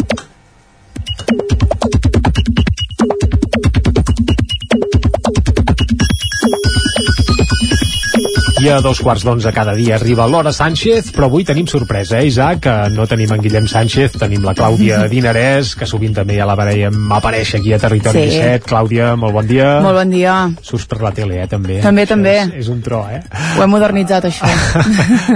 Va, anem al gra i repassem algunes de les piulades del dia i la farem petar un pèl. Va, per on ho arrenquem, això? Som-hi. Uh, avui uh, començarem a la secció de piulades parlant de roba, perquè, per exemple, només cal veure'ns, tu vas amb màniga curta, Sí. jo vaig I amb... calça curta, no es veu, però també. Jo vaig amb una jaqueta d'exana i tinc aquí un mocador És veritat. que m'he tret per dignitat, pràcticament, perquè aquí fa calor, No, no, fes, eh, com vulguis. però uh, és veritat que la gent a les xarxes va una mica despistada, una mica És perduda. que el temps està canviant, eh? Exacte. Per dit exemple, n'ha parlat la Clara que diu Pare, ja has agafat la teva peça de roba abric que hauràs de carregar durant tot el dia només per fer-la servir 5 minuts? Clar, passa sovint, Clar. eh? Surts de casa una mica de fresca, va aquell gec, i després l'arrossegues tot el dia i te'l deixes, que això també sovint Exacte. passa, a més a més, eh? A mi segurament em passarà avui amb aquest mocador que, que hi ha deixat a, a la cadira del costat. Uh, també n'ha parlat l'Èlia de, de la dificultat que suposa en ple mes de setembre vestir-se. Mhm. uh, diu, comença l'època de no saber vestir-me perquè massa calor per vestir d'hivern i massa fred uh, per vestir uh, d'estiu. I uh, he de dir que en Sánchez m'ha ajudat una mica a preparar Ah. la secció d'avui i ell diu, molt a favor? Molt a de favor. la gent que hi entén, com diu la Mireia, diu, tinc ganes que arribi el fred perquè sigui el temps de les carxofes. Ah, però bé, això ja seria un tema gastronòmic, eh? Més que Exacte. tèxtil.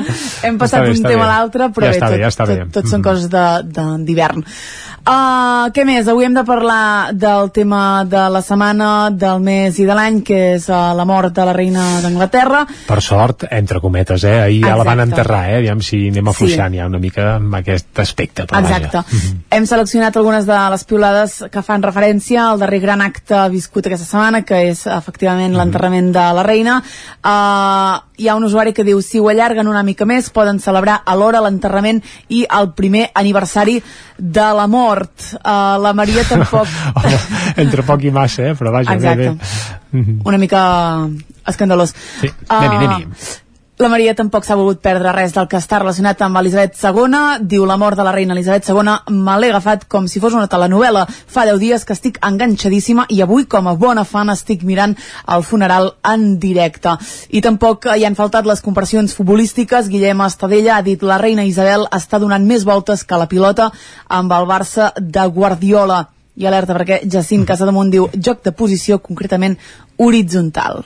El joc de posició, eh, el dels Borbons. Allò sí que va ser un bon joc de posició que els van posar plegadets, com hem comentat abans a les portades.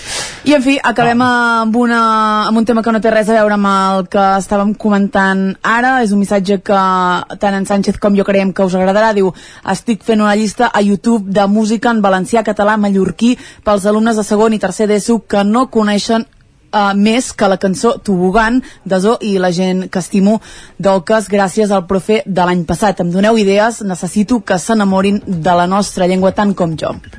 Hi ha moltes propostes. No sé si us en ve alguna al cap. A l'Isaac sí, eh? Ara mateix no. no. Va, que tirin d'arxiu del País Valencià, que escolti, obrim pas, que el jovent sempre engresca, ja sé que estan Mut, caducats i d'allò, eh? I d'Eivissa, exacte, de les illes, Projecte, Projecte Mut. Mut. Mm, M'hi apunto, jo també. Doncs Gran, va. gran fan de Ho Projecte deixem Mut. aquí, eh? Demà més. Clàudia, moltes gràcies, eh? Que vagi molt bé. Va, cop d'ull rapidíssim a les portades del 99.cat, arrenquem pel Vallès Oriental, cobra ara mateix explicant que hi ha un escorcoll a Llinars del Vallès en un operatiu dels Mossos d'Esquadra contra un grup criminal relacionat amb un segrest. Uh, també a Granollers adequa la nau de l'antic supermercat Aldi per a la Universitat de Vic, qui tindrà la seva seu, i els radars de trànsit al Vallès Oriental enxampen 38 conductors cada dia amb excés de velocitat. I fem ara un cop d'ull a la portada del 99.cat de l'edició d'Osona i el Ripollès. El titular principal és perquè s'estabilitza el nombre de centres de culte religiosos a Osona i el Ripollès. I també hi veiem que la Mancomunitat La Plana celebra 40 anys reivindicant la vigència del projecte. Dit tot plegat, fet el repàs digital, anem cap al territori dona. Territori 17 el 9 FM, la veu de Sant Joan, Ona Codinenca, Ràdio Cardedeu, Territori 17.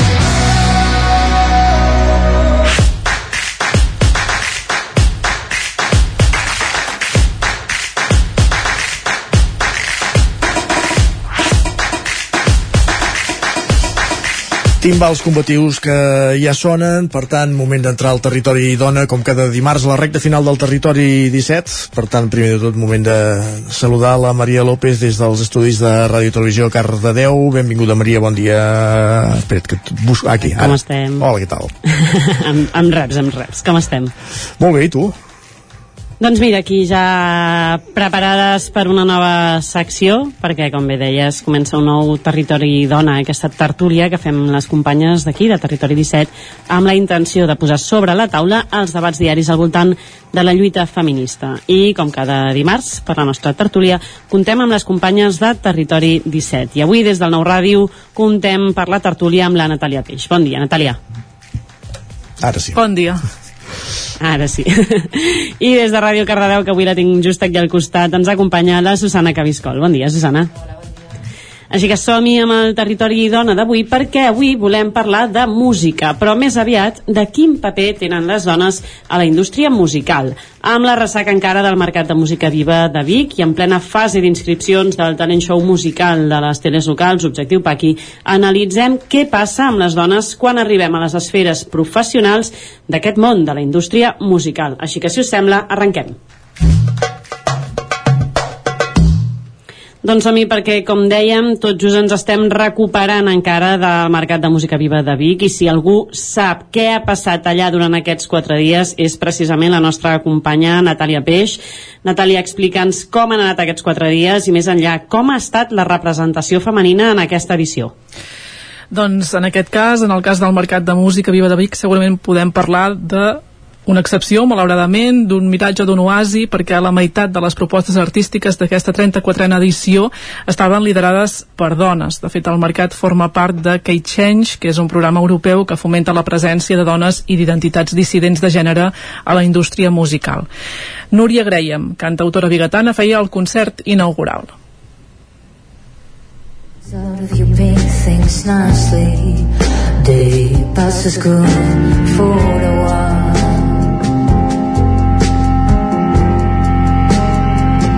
Least a molten fire swimming in this fake lake. A water you'd smell like cage. I el cert és que ha estat una de les actuacions més celebrades d'aquesta edició. Graham hi avançava el disc Ciclamen, que traurà al mes de gener.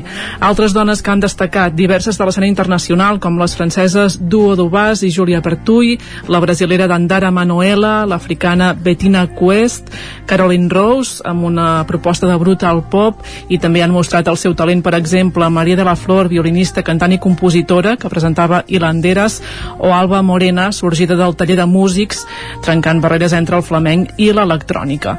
I en els concerts més multitudinaris, Maruja Limón, Pupiles i Roba Estesa, que van actuar als escenaris de la plaça Major i del Sucre, també són totalment o majoritàriament femenins.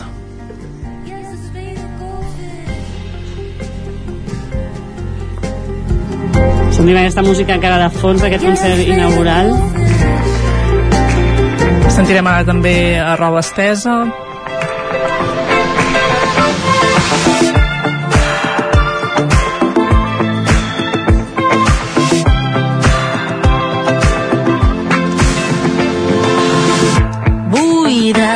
totes les pedres que portes al forat. Crida, que es fa tan gros que no es pot amagar. Mira, com s'escorre la veritat en el mirall.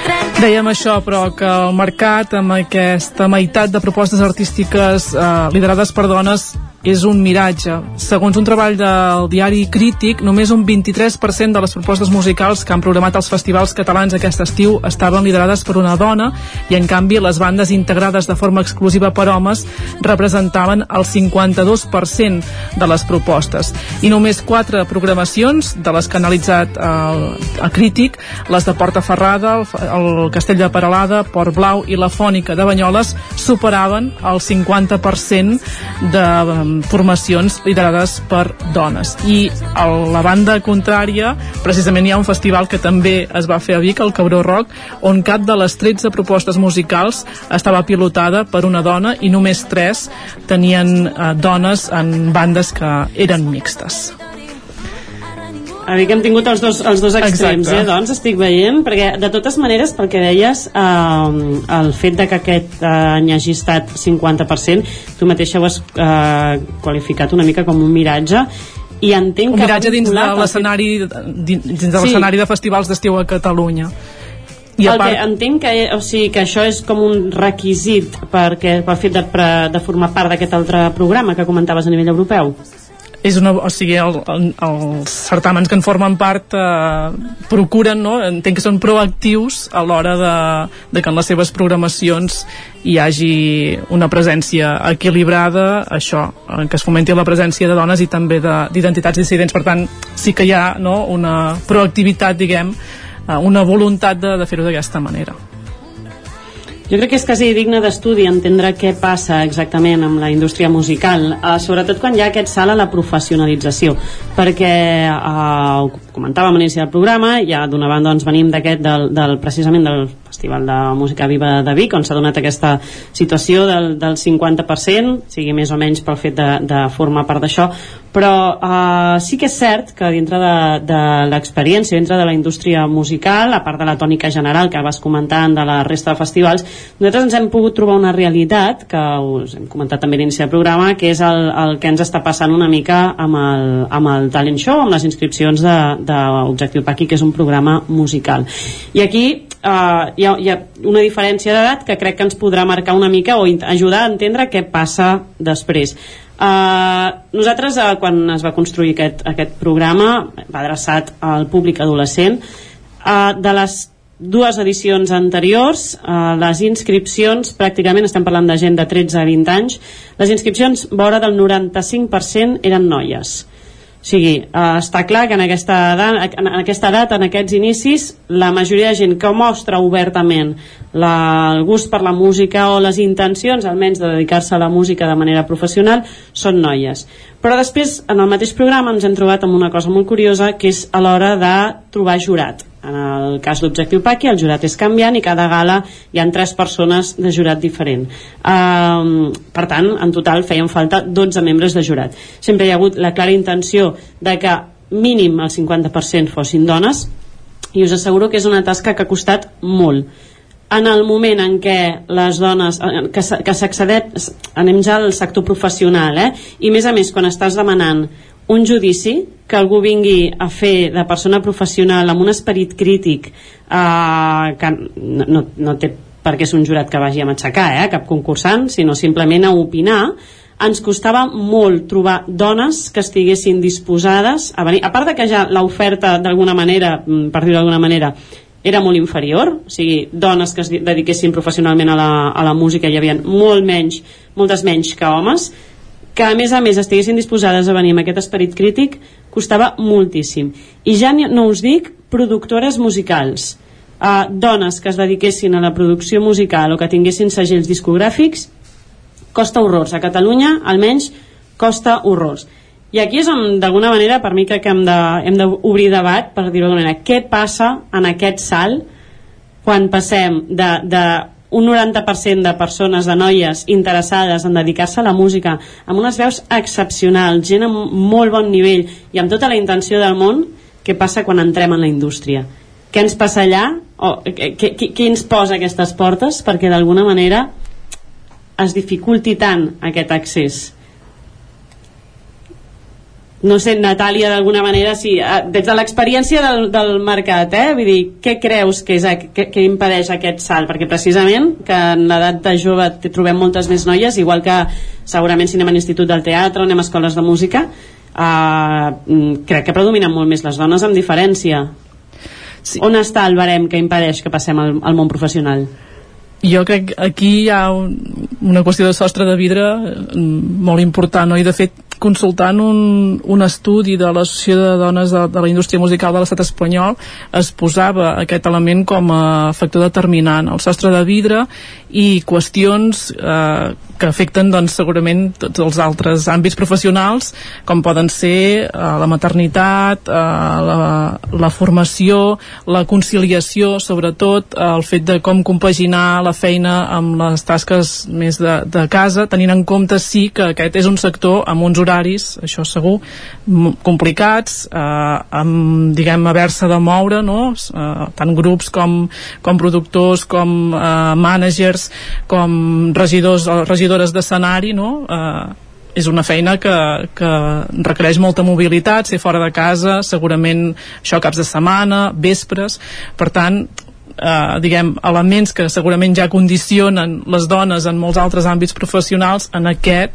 encara poden ser més determinants no? a l'hora de, de veure aquesta, la diferència que hi ha de, de la presència d'homes i de dones jo penso que això, que el sostre de vidre aquí és, és claríssim jo crec que has donat molt, molt en la clau de fet amb la Susana aquest matí comentàvem una cosa similar amb el cost tècnic no?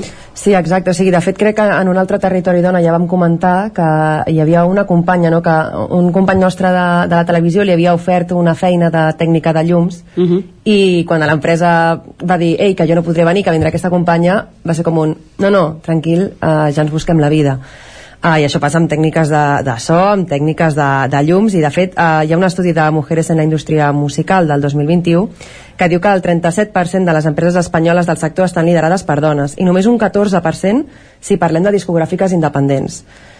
Um, i de productores, que ho comentaves tu abans, Maria, un 11% de representació femenina en el, en el panorama espanyol. Després de tot això també s'hauria de sumar eh, que el 70% eh, de les dones de la indústria musical cobra menys del seu mitjà eh, masculí i que el 5,9% ha patit assetjament laboral. Tot això dins de, de l'estat espanyol, eh?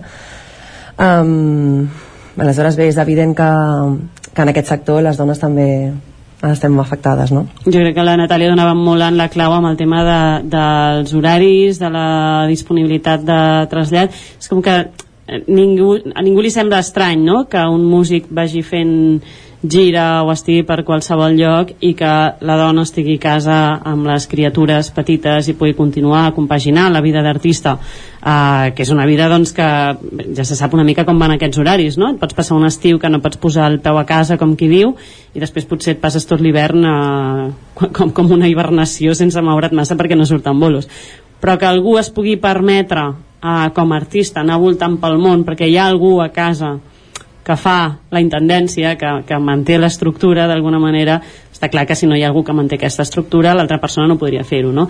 El, el tema és per què al revés no existeix aquesta facilitat i en el món ens, en, en realitat ens estem perdent una quantitat segurament d'artistes eh, brutals no? Uh, Susana, sé que has fet també una mica més enllà d'anàlisi també t'han passat alguna declaració interessant Sí, bueno, jo volia que, que escoltéssim una, un, un, un tall no, d'una entrevista que, que li vam fer a la, a la Gemma Polo, la cantant de, del grup Robastesa, que precisament escoltàvem just al mhm. començament de, del programa. Um, la van entrevistar al programa Llapis de Memòria de la cadena SER i on parlava um, del paper de la dona no, en la indústria musical i que ella troba que ella també es dedica al, al món del teatre, que en el món del teatre sí que no, no té res a veure amb el, amb el panorama musical, sinó que des del món del teatre sí que s'ha fet molta feina durant molts anys i que sí que hi ha una gran diferència, però que en el món de la música um, encara seguim enrere, no? Um, no sé si podem escoltar, Òscar, aquesta decla. Nosaltres portem 10 anys tocant, eh, 5-6 com d'una manera més professional, i des de que vam guanyar els primers premis en The Rock ara, que han passat un punyau d'anys, és que els cartells són els mateixos, eh, no s'ha donat l'oportunitat a, cap, a que altres bandes de paves o de persones que no siguin senyors heterocis eh, estiguin tocant en aquests espais més importants. Aleshores és com, bueno, a respirar profundament a respirar profundament Sí, de fet, eh, més endavant no, en el programa també parlava de, de, de les quotes, no? és a dir, de, de, de la llei aquesta que ha de garantitzar que, que les dones ocupin espais tant als escenaris com com a tècniques, etc. I al final el que, el que comentava la, la, la Gemma Polo era això, no? que si sempre es donen les oportunitats a, als mateixos grups, o sigui, quan hi ha molts grups d'homes, no? que sí que, que, que són nous i que els veus en festivals, a les dones costa moltíssim més veure grups nous a, a festivals de La- la música. renovació no? costa, no? Exacte. I que què, què passarà quan els grups, com ara Robestesa, com ara les Balkan Paradise, no? aquestes que veiem gairebé sempre tots els festivals decideixin mm, deixar-ho o, o prendre's un, no? un, un descans um, doncs és això, no? que costa moltíssim trobar grups emergents uh, de dones mm, en els festivals uh, de música. Uh -huh. uh, una d'altra així un altre dels exemples que us volia posar era concretament en una dècada que a mi em té bastant sobtada. Uh, una, arrel precisament del, del talent uh, estem buscant uh, estem, les coses que estem indagant són possibles artistes uh, que dominin o que hagin tingut la seva potser mm, esplendor més, més artística a la dècada dels anys 90 uh, no trobem dones. O sigui, anys 90 pràcticament tot grup, o sigui eh, època d'esplendor doncs, de potser un sau centraït, sopa de cabra tots aquests grups eh, de rock català tot eren les, les com es diu això? les bands, boy bands, Boy bands. a la catalana Mhm. Ah, exacte, les boy bands a la catalana però, o sigui, dones o sigui, trobat la Nina però és, és in eternum, no? una mica aquesta dona també, vull dir que dones, o sigui, Natàlia, tu que domines molt de música, si se t'acudeix alguna dona dels anys 90 amb la seva esplendor musical en aquella etapa... Ajuden, sisplau. Ajuden, sisplau, no, perquè és que costa. precisament el que comenteu, anant a una qüestió personal, eh, però un dia jo que em feia allò la meva llista de reproducció i allò que anaves als referents, no? Playlist les, Spotify. Sí, sí, les cançons que havies escoltat de, de, de més jove, d'adolescent, tal, i quan vaig allò tenir unes quantes, em vaig adonar que totes eren de, o, o pràcticament totes, eren de, de grups o de cantants homes. I llavors vaig fer l'exercici de dir, no, no, no pot ser, saps? He d'anar a buscar eh, dones, eh, he d'anar a buscar música de dones, però vaig haver de fer la reflexió i, i, i ser també proactiva en aquest sentit no? i el que comentaves, clar, del, dels grans grups del rock català eh, crec que només en, en els grans grans només hi havia una dona em sembla una a sang traït si no m'equivoco, i Bars tenia una cantant femenina però Sant Trai tenia la, la baixista o Tampoc, guitarrista, era, em sembla. Bars tampoc poder estaven allò en, en els grans grans no? en els 4 o 5 més, més destacats però sí, sí um, és, és una qüestió que a mi en, en, aquest, no, en aquest moment de, de la playlist em, em va fer pensar i me'n vaig anar a buscar dones i el cert és que això em vaig buscar moltes d'actuals no? no sé, des de ja que som a, a, a la comarca des de Joana Serrat fins a Gemma Humet fins, bueno, artistes més internacionals eh? uh, no sé, grans artistes això d'aquella època, no sé, a mi se m'acut així a nivell mundial, poder Madonna poder no sé, Britney Spears, Cristina Aguilera, però potser tampoc són diguem, les que aniria a buscar jo, però clar, tampoc n'hi no, tampoc n'hi havia tantes, no? Comparat a aquests fenòmens més mundials, no? Ara pensant en, en, Mm. en Rosalia, per exemple, que és aquest fenomen tan espectacular. Sí. Doncs traslladar-ho a aquella època de la nostra més adolescència no en trobes tantes, o, o molt poques, és cert. A la Madonna no sé si li vindria bé venir a fer de jurat aquí. per proposta que no quedi, eh? Fem una crida aquí, Madonna, et necessitem, eh, podries venir bé de jurat. Escolta, coses més rares s'hauran vist, eh?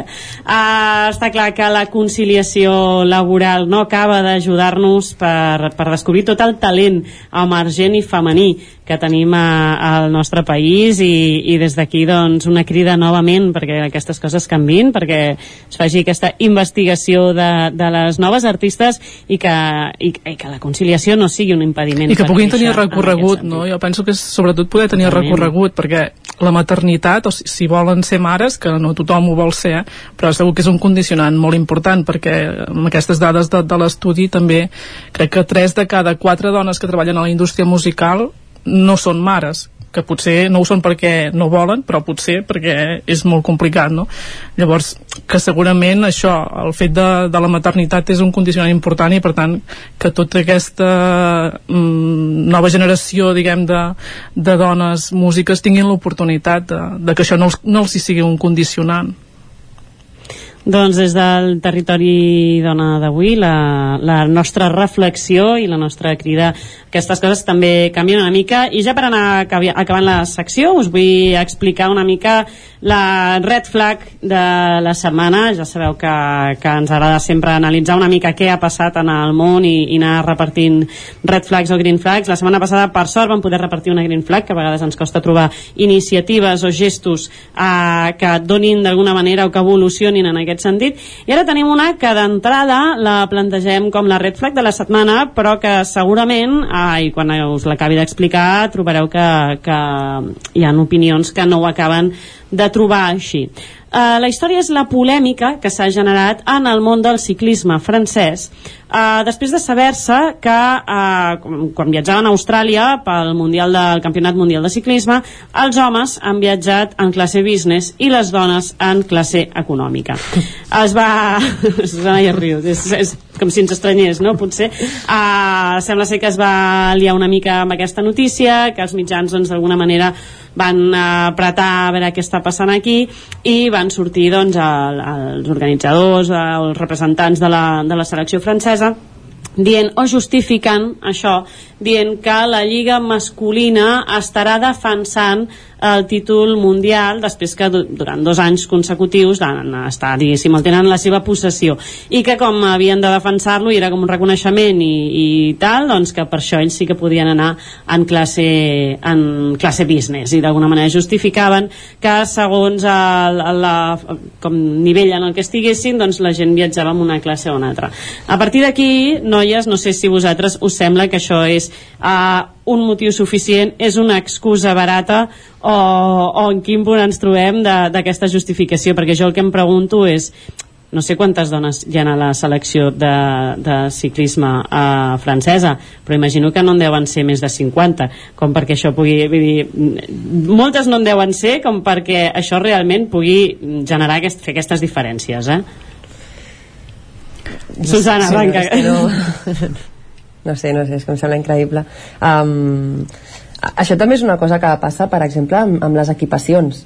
És a dir, en, en equips de, de bàsquet o de futbol, els masculins eh, els hi regalen l'equipació perquè troben un patrocinador i aleshores és aquest patrocinador que s'encarrega de, de pagar l'equipació i en canvi els femenins s'ho han de pagar les noies, no? Uh -huh o sigui, no es fa un... no sé, o sigui, si l'equip si femení no aconsegueix uh, patrocinadors, doncs no, s'ho paguen elles i els masculins sempre en tenen, és una mica com també semblant, no? Sí, bueno, no sé és que... Natàlia, tu te la creus l'excusa o motiu no, o evidentment, de la... evidentment que no. De fet, em, he recordat ara que un episodi similar es va viure al Barça no sé si fa 3 o 4 anys que també va haver un viatge en què hi havia amb avió, en què hi havia l'equip masculí i l'equip femení i l'equip masculí anava eh, en business class i les noies anaven l'equip femení anava amb, amb, amb classe turista. I va haver rebombori també perquè es van fer una foto conjunta i llavors eh, pel que penjaven l'equip eh, masculí per un cantó i l'equip femení per l'altre d'on eren durant el viatge es va veure que no, no viatjaven en el mateix lloc de, de l'avió i que anaven en classe diferent. Eh, clar, és que si, si no sabem eh, veure que aquí hi ha qüestions de privilegis que no hi haurien de ser i d'estructura patriarcal que hem de superar doncs ho tenim bastant mal parat doncs amb aquesta reflexió arribem al final del territori dona d'avui. Tornem al relleu cap a Vic ja per acomiadar el territori 17. Gràcies, noies, ens veiem el proper dimarts. Adeu. Adeu, gràcies. Adéu-siau, gràcies a totes tres. Acabem el territori 17 d'avui dimarts 20 de setembre de 2022.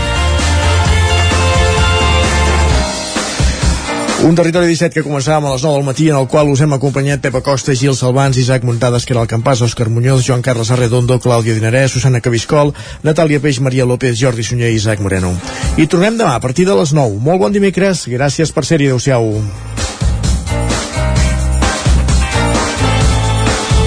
Territori 17 un magazín del nou FM. La veu de Sant Joan, Ona Codinenca i Ràdio Cardedeu amb el suport de la xarxa.